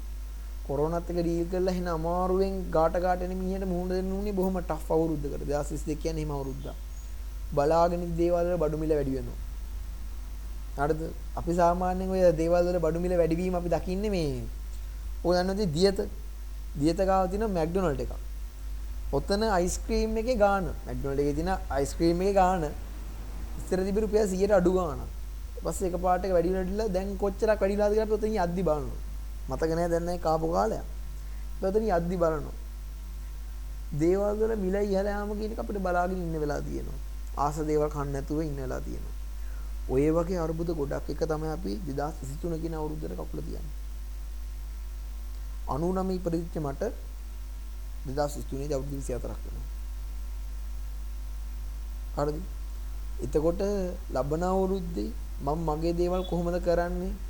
ඊට පස්සේ මම මොනවද මං ඉගෙන ගන්නේ මං ඉගෙන ගන්න දේ වෙනුවෙන් මොනවද මං කරන්නේ මේ හැම දෙයක්ම එකිනෙකට සම්බන්ධ වෙලා තියෙනවා ලබන අවුරුද්ද මොන වගේ අවුරුද්දක් වේද කියන අපිට තේරෙන්නේ නැහැ සමහරක් ක්‍රමෙත් ගෙවිච්ච අවුරුද්දට වඩා හරි නරක අවුරුද්දක් වෙන්න පුළුවන් අපි හැමෝටම මේ අවුරුද්ද අන්තිමට යකෝ විස දුමාරකුත් ආවනේ අන්තිමට හරිද ඒක ඉන්දියාවේ වායු දූෂණය හින්දා මොකක් හරි වෙලා අන්තිමට එහෙම එකකුත් ආවා මම දැක්ක ගොඩක් ළමයිට උගුර දැවිල්ල ඊට පස්සේ ඒ වගේ දේවල් ඇවිල්ලා තියෙනවත් මම දැක්කා. මොකද අපි ඉන්දිය ඒරියා එකෙත් බත්තරපුල ඒරියා එකෙත් සෑහෙන දුම තිබ්බා. මේ දුම. මම බැලුවා මේ දවල් කමුණේ අකාදමි අර්බන් ඒරියා එකක කුණු පුච්චන එකා කියලා. සාමාන්‍යයෙන් එහෙම කරන්නේ නැහැ නේ. මේ පැත්තේ පදිංචි මිනිස්සු එහෙම කරන්න පුළුවන්. හැබැයි සාමාන්‍යයෙන් කරන්නේ නැහැ. වෙලදී නම් මෙහෙම දුමක්. ඕකෙත් නරකම අවස්ථාවක් තමයි ළමයි එන්න පුළුවන් එකක් තමයි ඔය මේ ෆොටෝ කෙමිකල් ස්මෝක් කියලා කියනවා. සිංහලෙන් කියන ඔකට ප්‍රකාශ රසායන භූමිකාව කියලා. වායු දූෂණය වැඩි වුණාට පස්සේ එන්න පුළුවන් දේවල් ඔය. ඉතින් මේ ලබන අවුරුද්ද අපි දන්නේ මොන වගේ අභියෝගාත්මක අවුරුද්දක් වෙයිද කියලා. හැබැයි මතක තියාගන්න ඔයා ඉගෙන ගන්න කෙනෙක් නම් රටක තියෙන තත්ත්වෙ මොනතරම් නරක වුණා තමන්ගේ අධ්‍යාපනය කියන දේ අතහැර ගන්න එපා. ඒක ඔයා නිශ්චිතව කැම්පස් එකට ගිහිල්ලා වෙන්න පුළුවන්, ඉස්කෝලේ ගිහිල්ලා වෙන්න පුළුවන්, පන්ති එකට ගිහිල්ලා වෙන්න පුළුවන්, නැත්නම් ඔයා සමහරකට YouTube එකෙන් බලලා ඉගෙන ගන්න දෙයක් වෙන්න පුළුවන්. කෝසෙරා වගේකින් කෝස් එකක් කරලා එහෙම කරන එකක් වෙන්න පුළුවන්. මොනම ආකාරයකට ඔයා ඉගෙන ගන්න දේවල් කවදාකවත් නැති කරගන්න එපා. මොකද ඉගෙන ගන්නවා කියන එක මොනතරම් අමාරු තත්ත්වයක් යටතේ කරත් ඒක එක විදිහක ආයෝජනයක්. ඔයා ඉගෙන ගන්න වාගේ කාලය ඒක ඔයා ආයෝජනය කිරීම. ඉතින් වැය කිරීමක් විදිහට දකින්න යන්න එපා. එක විදිහක ජීවිතය කියන්නේ ලොකු සූදුවක් වගේ කියලා වවන්න තේරෙනවා. ඉතින් වාගාව තියෙන කාලේ මිල මුදල් ඔය සේරම දේවල් වා මේ සෙල්ලමට තියලා සෙල්ලම් කරනවා කියලා වට තේරිලා ඇති. ඇත්ත. එහෙම දෙයක් තමයි වෙන්නේ. හැබැයි ඒක ඊට වඩා ටික වෙනස් විදිහට දකින්න. මොනතරම් අමාරු කාලයක වුණත් තමන්ගේ ජීවිතේ ඉස්සරහට අරන් යන්න ඕන කරන්නේ ගේමේ ජීවත් වෙන්න. ඉස්සරහා කාලේ ගොඩක් දේවල් අපේ ජීවිතවලට එකතු වෙන්න පුළුවන්. අපිට මේ අවුරුදු දෙකක් වෙනස් දේවල් අත්විඳිනවා දැන් ආටිස් කෙනෙක්නවා දකින්න ඉතින් මිජ්ජේනි වගේ දේවල් අරහා AI ජෙනරේට් ආර්ට් එන්න ගන්නවා. ඔය AI සීන් එක ගැන මිනිස්සු දකින්නේ කොහොමද කියන එක ගැන මම try කරනවා ඉස්සරහ දවසක වීඩියෝ එකක් මරන් එන්න. අපි ගැන කතා කරමු. කොහොම හරි ලබන අවුරුද්දට ඔයා මොන හරි ප්ලෑන් කරන් ඉන්නවා නම් ඒ දේවල් ඒ විදිහටම කරන්න පුළුවන් වෙන්න කියලා මම විශ් කරනවා ඔයගලන්ට ජෙනු විදියේදී හැබැයි ඔහා ඒ විදිහට මහන්සි වෙන්න ඕන. වැඩ කරන්නේ නැතුව මම දන්නේ අපිට ලැබෙන්න දේවල් හරිම අඩුයි. ඔයා මහන්සි වෙන්න ඕන. එතකොට මහන්සි වෙන්න ඕනේ ඒ වෙනුවෙන් Tamanට කරන්න පුළුවන් පරිම කැපකිරීම කරන්න ඕන. ඔහා විභාගයක් කරන කෙනෙක් නම් ඔයා ඒ ලෙවල් වල කරන අංගීක් මල්ලියෙක් නම් ඒ දෙයට තමන්ට කැප වෙන්න බව උපරිම කැප වෙන්න. හැම දෙයක් අතරේ මතක තියාගන්න. ඔයාගේ ඔළුව කියන දේ හොඳ ක්ලියර් විදිහට තියාගන්න. ඔළුව විනාශ කරගන්න එපා. පැය එකයි විනාඩි 15ක් කතා කරලා මම උගුරක් පොඩ්ඩ අප්සෙට් ගිහිලා තියෙන්නේ. ඔයගලන් ඔළුව විනාශ කරගන්න එපා. ඔළුව හැමතිස්සෙම හොඳ පිරිසිදු පිළිවෙලකට තියාගන්න. අනිත්‍ය තමයි මේ හැම අර්බුදයක් අතරෙම මේ දේවල් වෙන මහන්සි වෙන Tamanටම මොකක් හරි ට්‍රීට් එකක් දෙන්න පුළුවන් වෙන හැම වෙලාවකම. ඒක සමහරක් විට Taman ආස ගන්න කෑමක් කන්න එකක් වෙන්න පුළුවන්. Tamanට වෛර කරගන්න එක Tamanට Taman පහත දාලා කටයුතු කරන එක නවත්තන්න. මොකද මේ හැම අවුරක් අතරෙම Taman කියන පුද්ගලයා ශක්තිමත් ඉන්න ඕන. ඒ වගේ තමයි. පුළුවන් හැම වෙලාවකම අනිත් අයට උදව් කරන්න. බඩගින් ඉන්න සතෙක් ඉන්නවනේ උට කන්න දෙන්න. ඉගෙන ගන්න එකේදී තමන්ට ගානක් හරි තව ළමයට කියලා දෙන්න පුළුවන් නේ කියලා දෙන්න. මේක කියන්නේ මේ විභාගෙදී උදව් කරන්න ගිහිලා ජලතර දාගන්න කියන එක නෙවෙයි. ඒ ලෙව කරන අංගියෙක් මල්ලියෙක් නම් මේක අහන ඔයා පුළුවන් තරම් අනිත්‍යයට කියලා දෙන්න. පන්ති එක පේපරයක් කරන අතර නෙවෙයි මං කියන්නේ. යාළුවෙට ගානක් වුණා කියලා දෙන්න. තේරෙන්නේ නැති මොහරි සංකල්පයක් තියෙනවනේ ඒ දේ උගන්වන්න. එයාට ඒක තේරුම් ගන්න පුළුවන් විදියට. තමන්ට ඉගෙන ගන්න පහසු වෙන විදිහේ දේවල් පහසු වෙන දෙයක් හම්බුනම මේක ෂෙයා කරගන්න කවදාක ලෝභ වෙන්න එපා. මේක ඔයාලට කවදා හරි කැම්පස් ගිය කාලේ ගුණත් ඔයාලට මේක තේරෙයි. ඉතින් තමන්ගේ දේවල් හැම දෙයක්ම හොඳට සාර්ථකව කරගන්න ලැබෙන්න කියලා මම ප්‍රාර්ථනා කරන ඔයගොල්ලෝ හැමෝටම. ඉතින් 2023 අවුරුද්දේදී මොනවා හරි තවත් විශේෂ දේවල් එක්ක අපි හම්බෙමු. අලුත් වීඩියෝස් දාන්න තවදුරටත් දේවල් ගැන කතා කරන්න ඉස්සරහටත් බලාපොරොත්තු වෙනවා. ඉතින් කවදාකවත් නවත්තන්නේ නැහැ. ඉස්සරහට දිගටම කරනවා. මොකද මේක මට සෑහෙන දෙකත් මටත් එක විදිහක මේක සෑහෙන දෙකත් ඔයගොල්ලොත් එක්ක කතා කරන එක ස්ට්‍රෙස් කියන දේ ඇත්තටම දුබෙන් යන මේ වගේ දෙයක් කරාට පස්සේ ඉතින් තමන්ට එන ස්ට්‍රෙස් එක පාලනය කරගන්න තමන් මොන හරි ක්‍රමවේද හරියට හදාගන්න පුළුවන් තරම් තමන්ගේ මානසික සෞඛ්‍ය ගැන කායික සෞඛ්‍ය ගැන හිතන්න ඉදිවලත් ඇලලා දාන්න එපා කීයටවත් අනිත්යට දව් කරන්න මේක සෑහෙන පට්ට අමාරු කාලයක්. ඉතින් තව එකෙක්ට අත දෙනවා කියන එක සෑහෙන අදගත්. ඒ වගේම තමයි genuine D YouTube channel එක ඔයගොල්ලෝ කැමති නම් ගිහිල්ලා බලන්න YouTube එකේ search කරලා ඒ වීඩියෝස් හොඳ නම් subscribe කරලා තියාගන්න. ඊට පස්සේ genuine D TikTok එක තියෙනවා. genuine D podcast එකේදී podcast අහන යාළුවෝ ඉන්නවනේ ඒකට මේක share කරන්න. මම හිතනවා ඔයගොල්ලෝ සතුටු වෙනවා ඇති කියලා. පොඩ්කාස්ට් එක ගැන ඔයගොල්ලන්ට අදහස් දක්වන්න මම හිතන්නේ ඇන්කර් එකෙත් පුළුවන් එකට වෙනම අවස්ථාවක් සලසලා තිනවා ඒකෙන්ම ඒ නැතත් ඔයගොල්ලන්ට පුළුවන් පේජ් එකට මෙසේජ් එකක් දාන්න ඔයාලට තියෙන ඕනම දෙයක් ගැන කතා කරන්න ප්‍රශ්නයක් නැහැ. ඉතින් ඔන්න එහෙනම් 2022 අවුරුද්දේ Genuine Deep podcast එකේ සීසන් 1 එකේ අවසාන තමයි මේ විදිහට ඔන්න තියන්නේ. ඉතින් මේ පොඩ්කාස්ට් එක මම මම කියන්නේ මම YouTube එකට දානවා කියලා. ඉතින් මට මේක අකට ගැම්මට යන මියුසික් එකම දාන්න විදියක් නැහැ. වාට තේරෙන්නේ නැති මට ලොකුවට එඩිට් කරන්න වෙලාවකුත් නෑ අනික. ඒ කියන්නේ සෝරි. මොකද මට ජනවාරි එක්සෑම් තියෙනවා. ඉතින් ඒක බලන්න වෙනවා. ඉතින් මේක එහෙමම මම මේක වීඩියෝක් බවට පත් කරලා මම මේක දාලා තියෙයි. එහෙනම් ජෙනුවින්ඩි එක දිගටම සෙට්ලා ඉන්න මම ධනංජය ජයම්පති ජෙනුවින්ඩි පොඩ්කාස්ට් එකකින්. එහෙනම් ෆලෝ කරන කට්ටිය ෆලෝ කරගෙන යන්න, ෂෙයා කරන කට්ටිය ෂෙයා කරගෙන යන්න. ඔයාලගේ අදහස් සුඛ යාගෙන යන්න. ජය වේවා.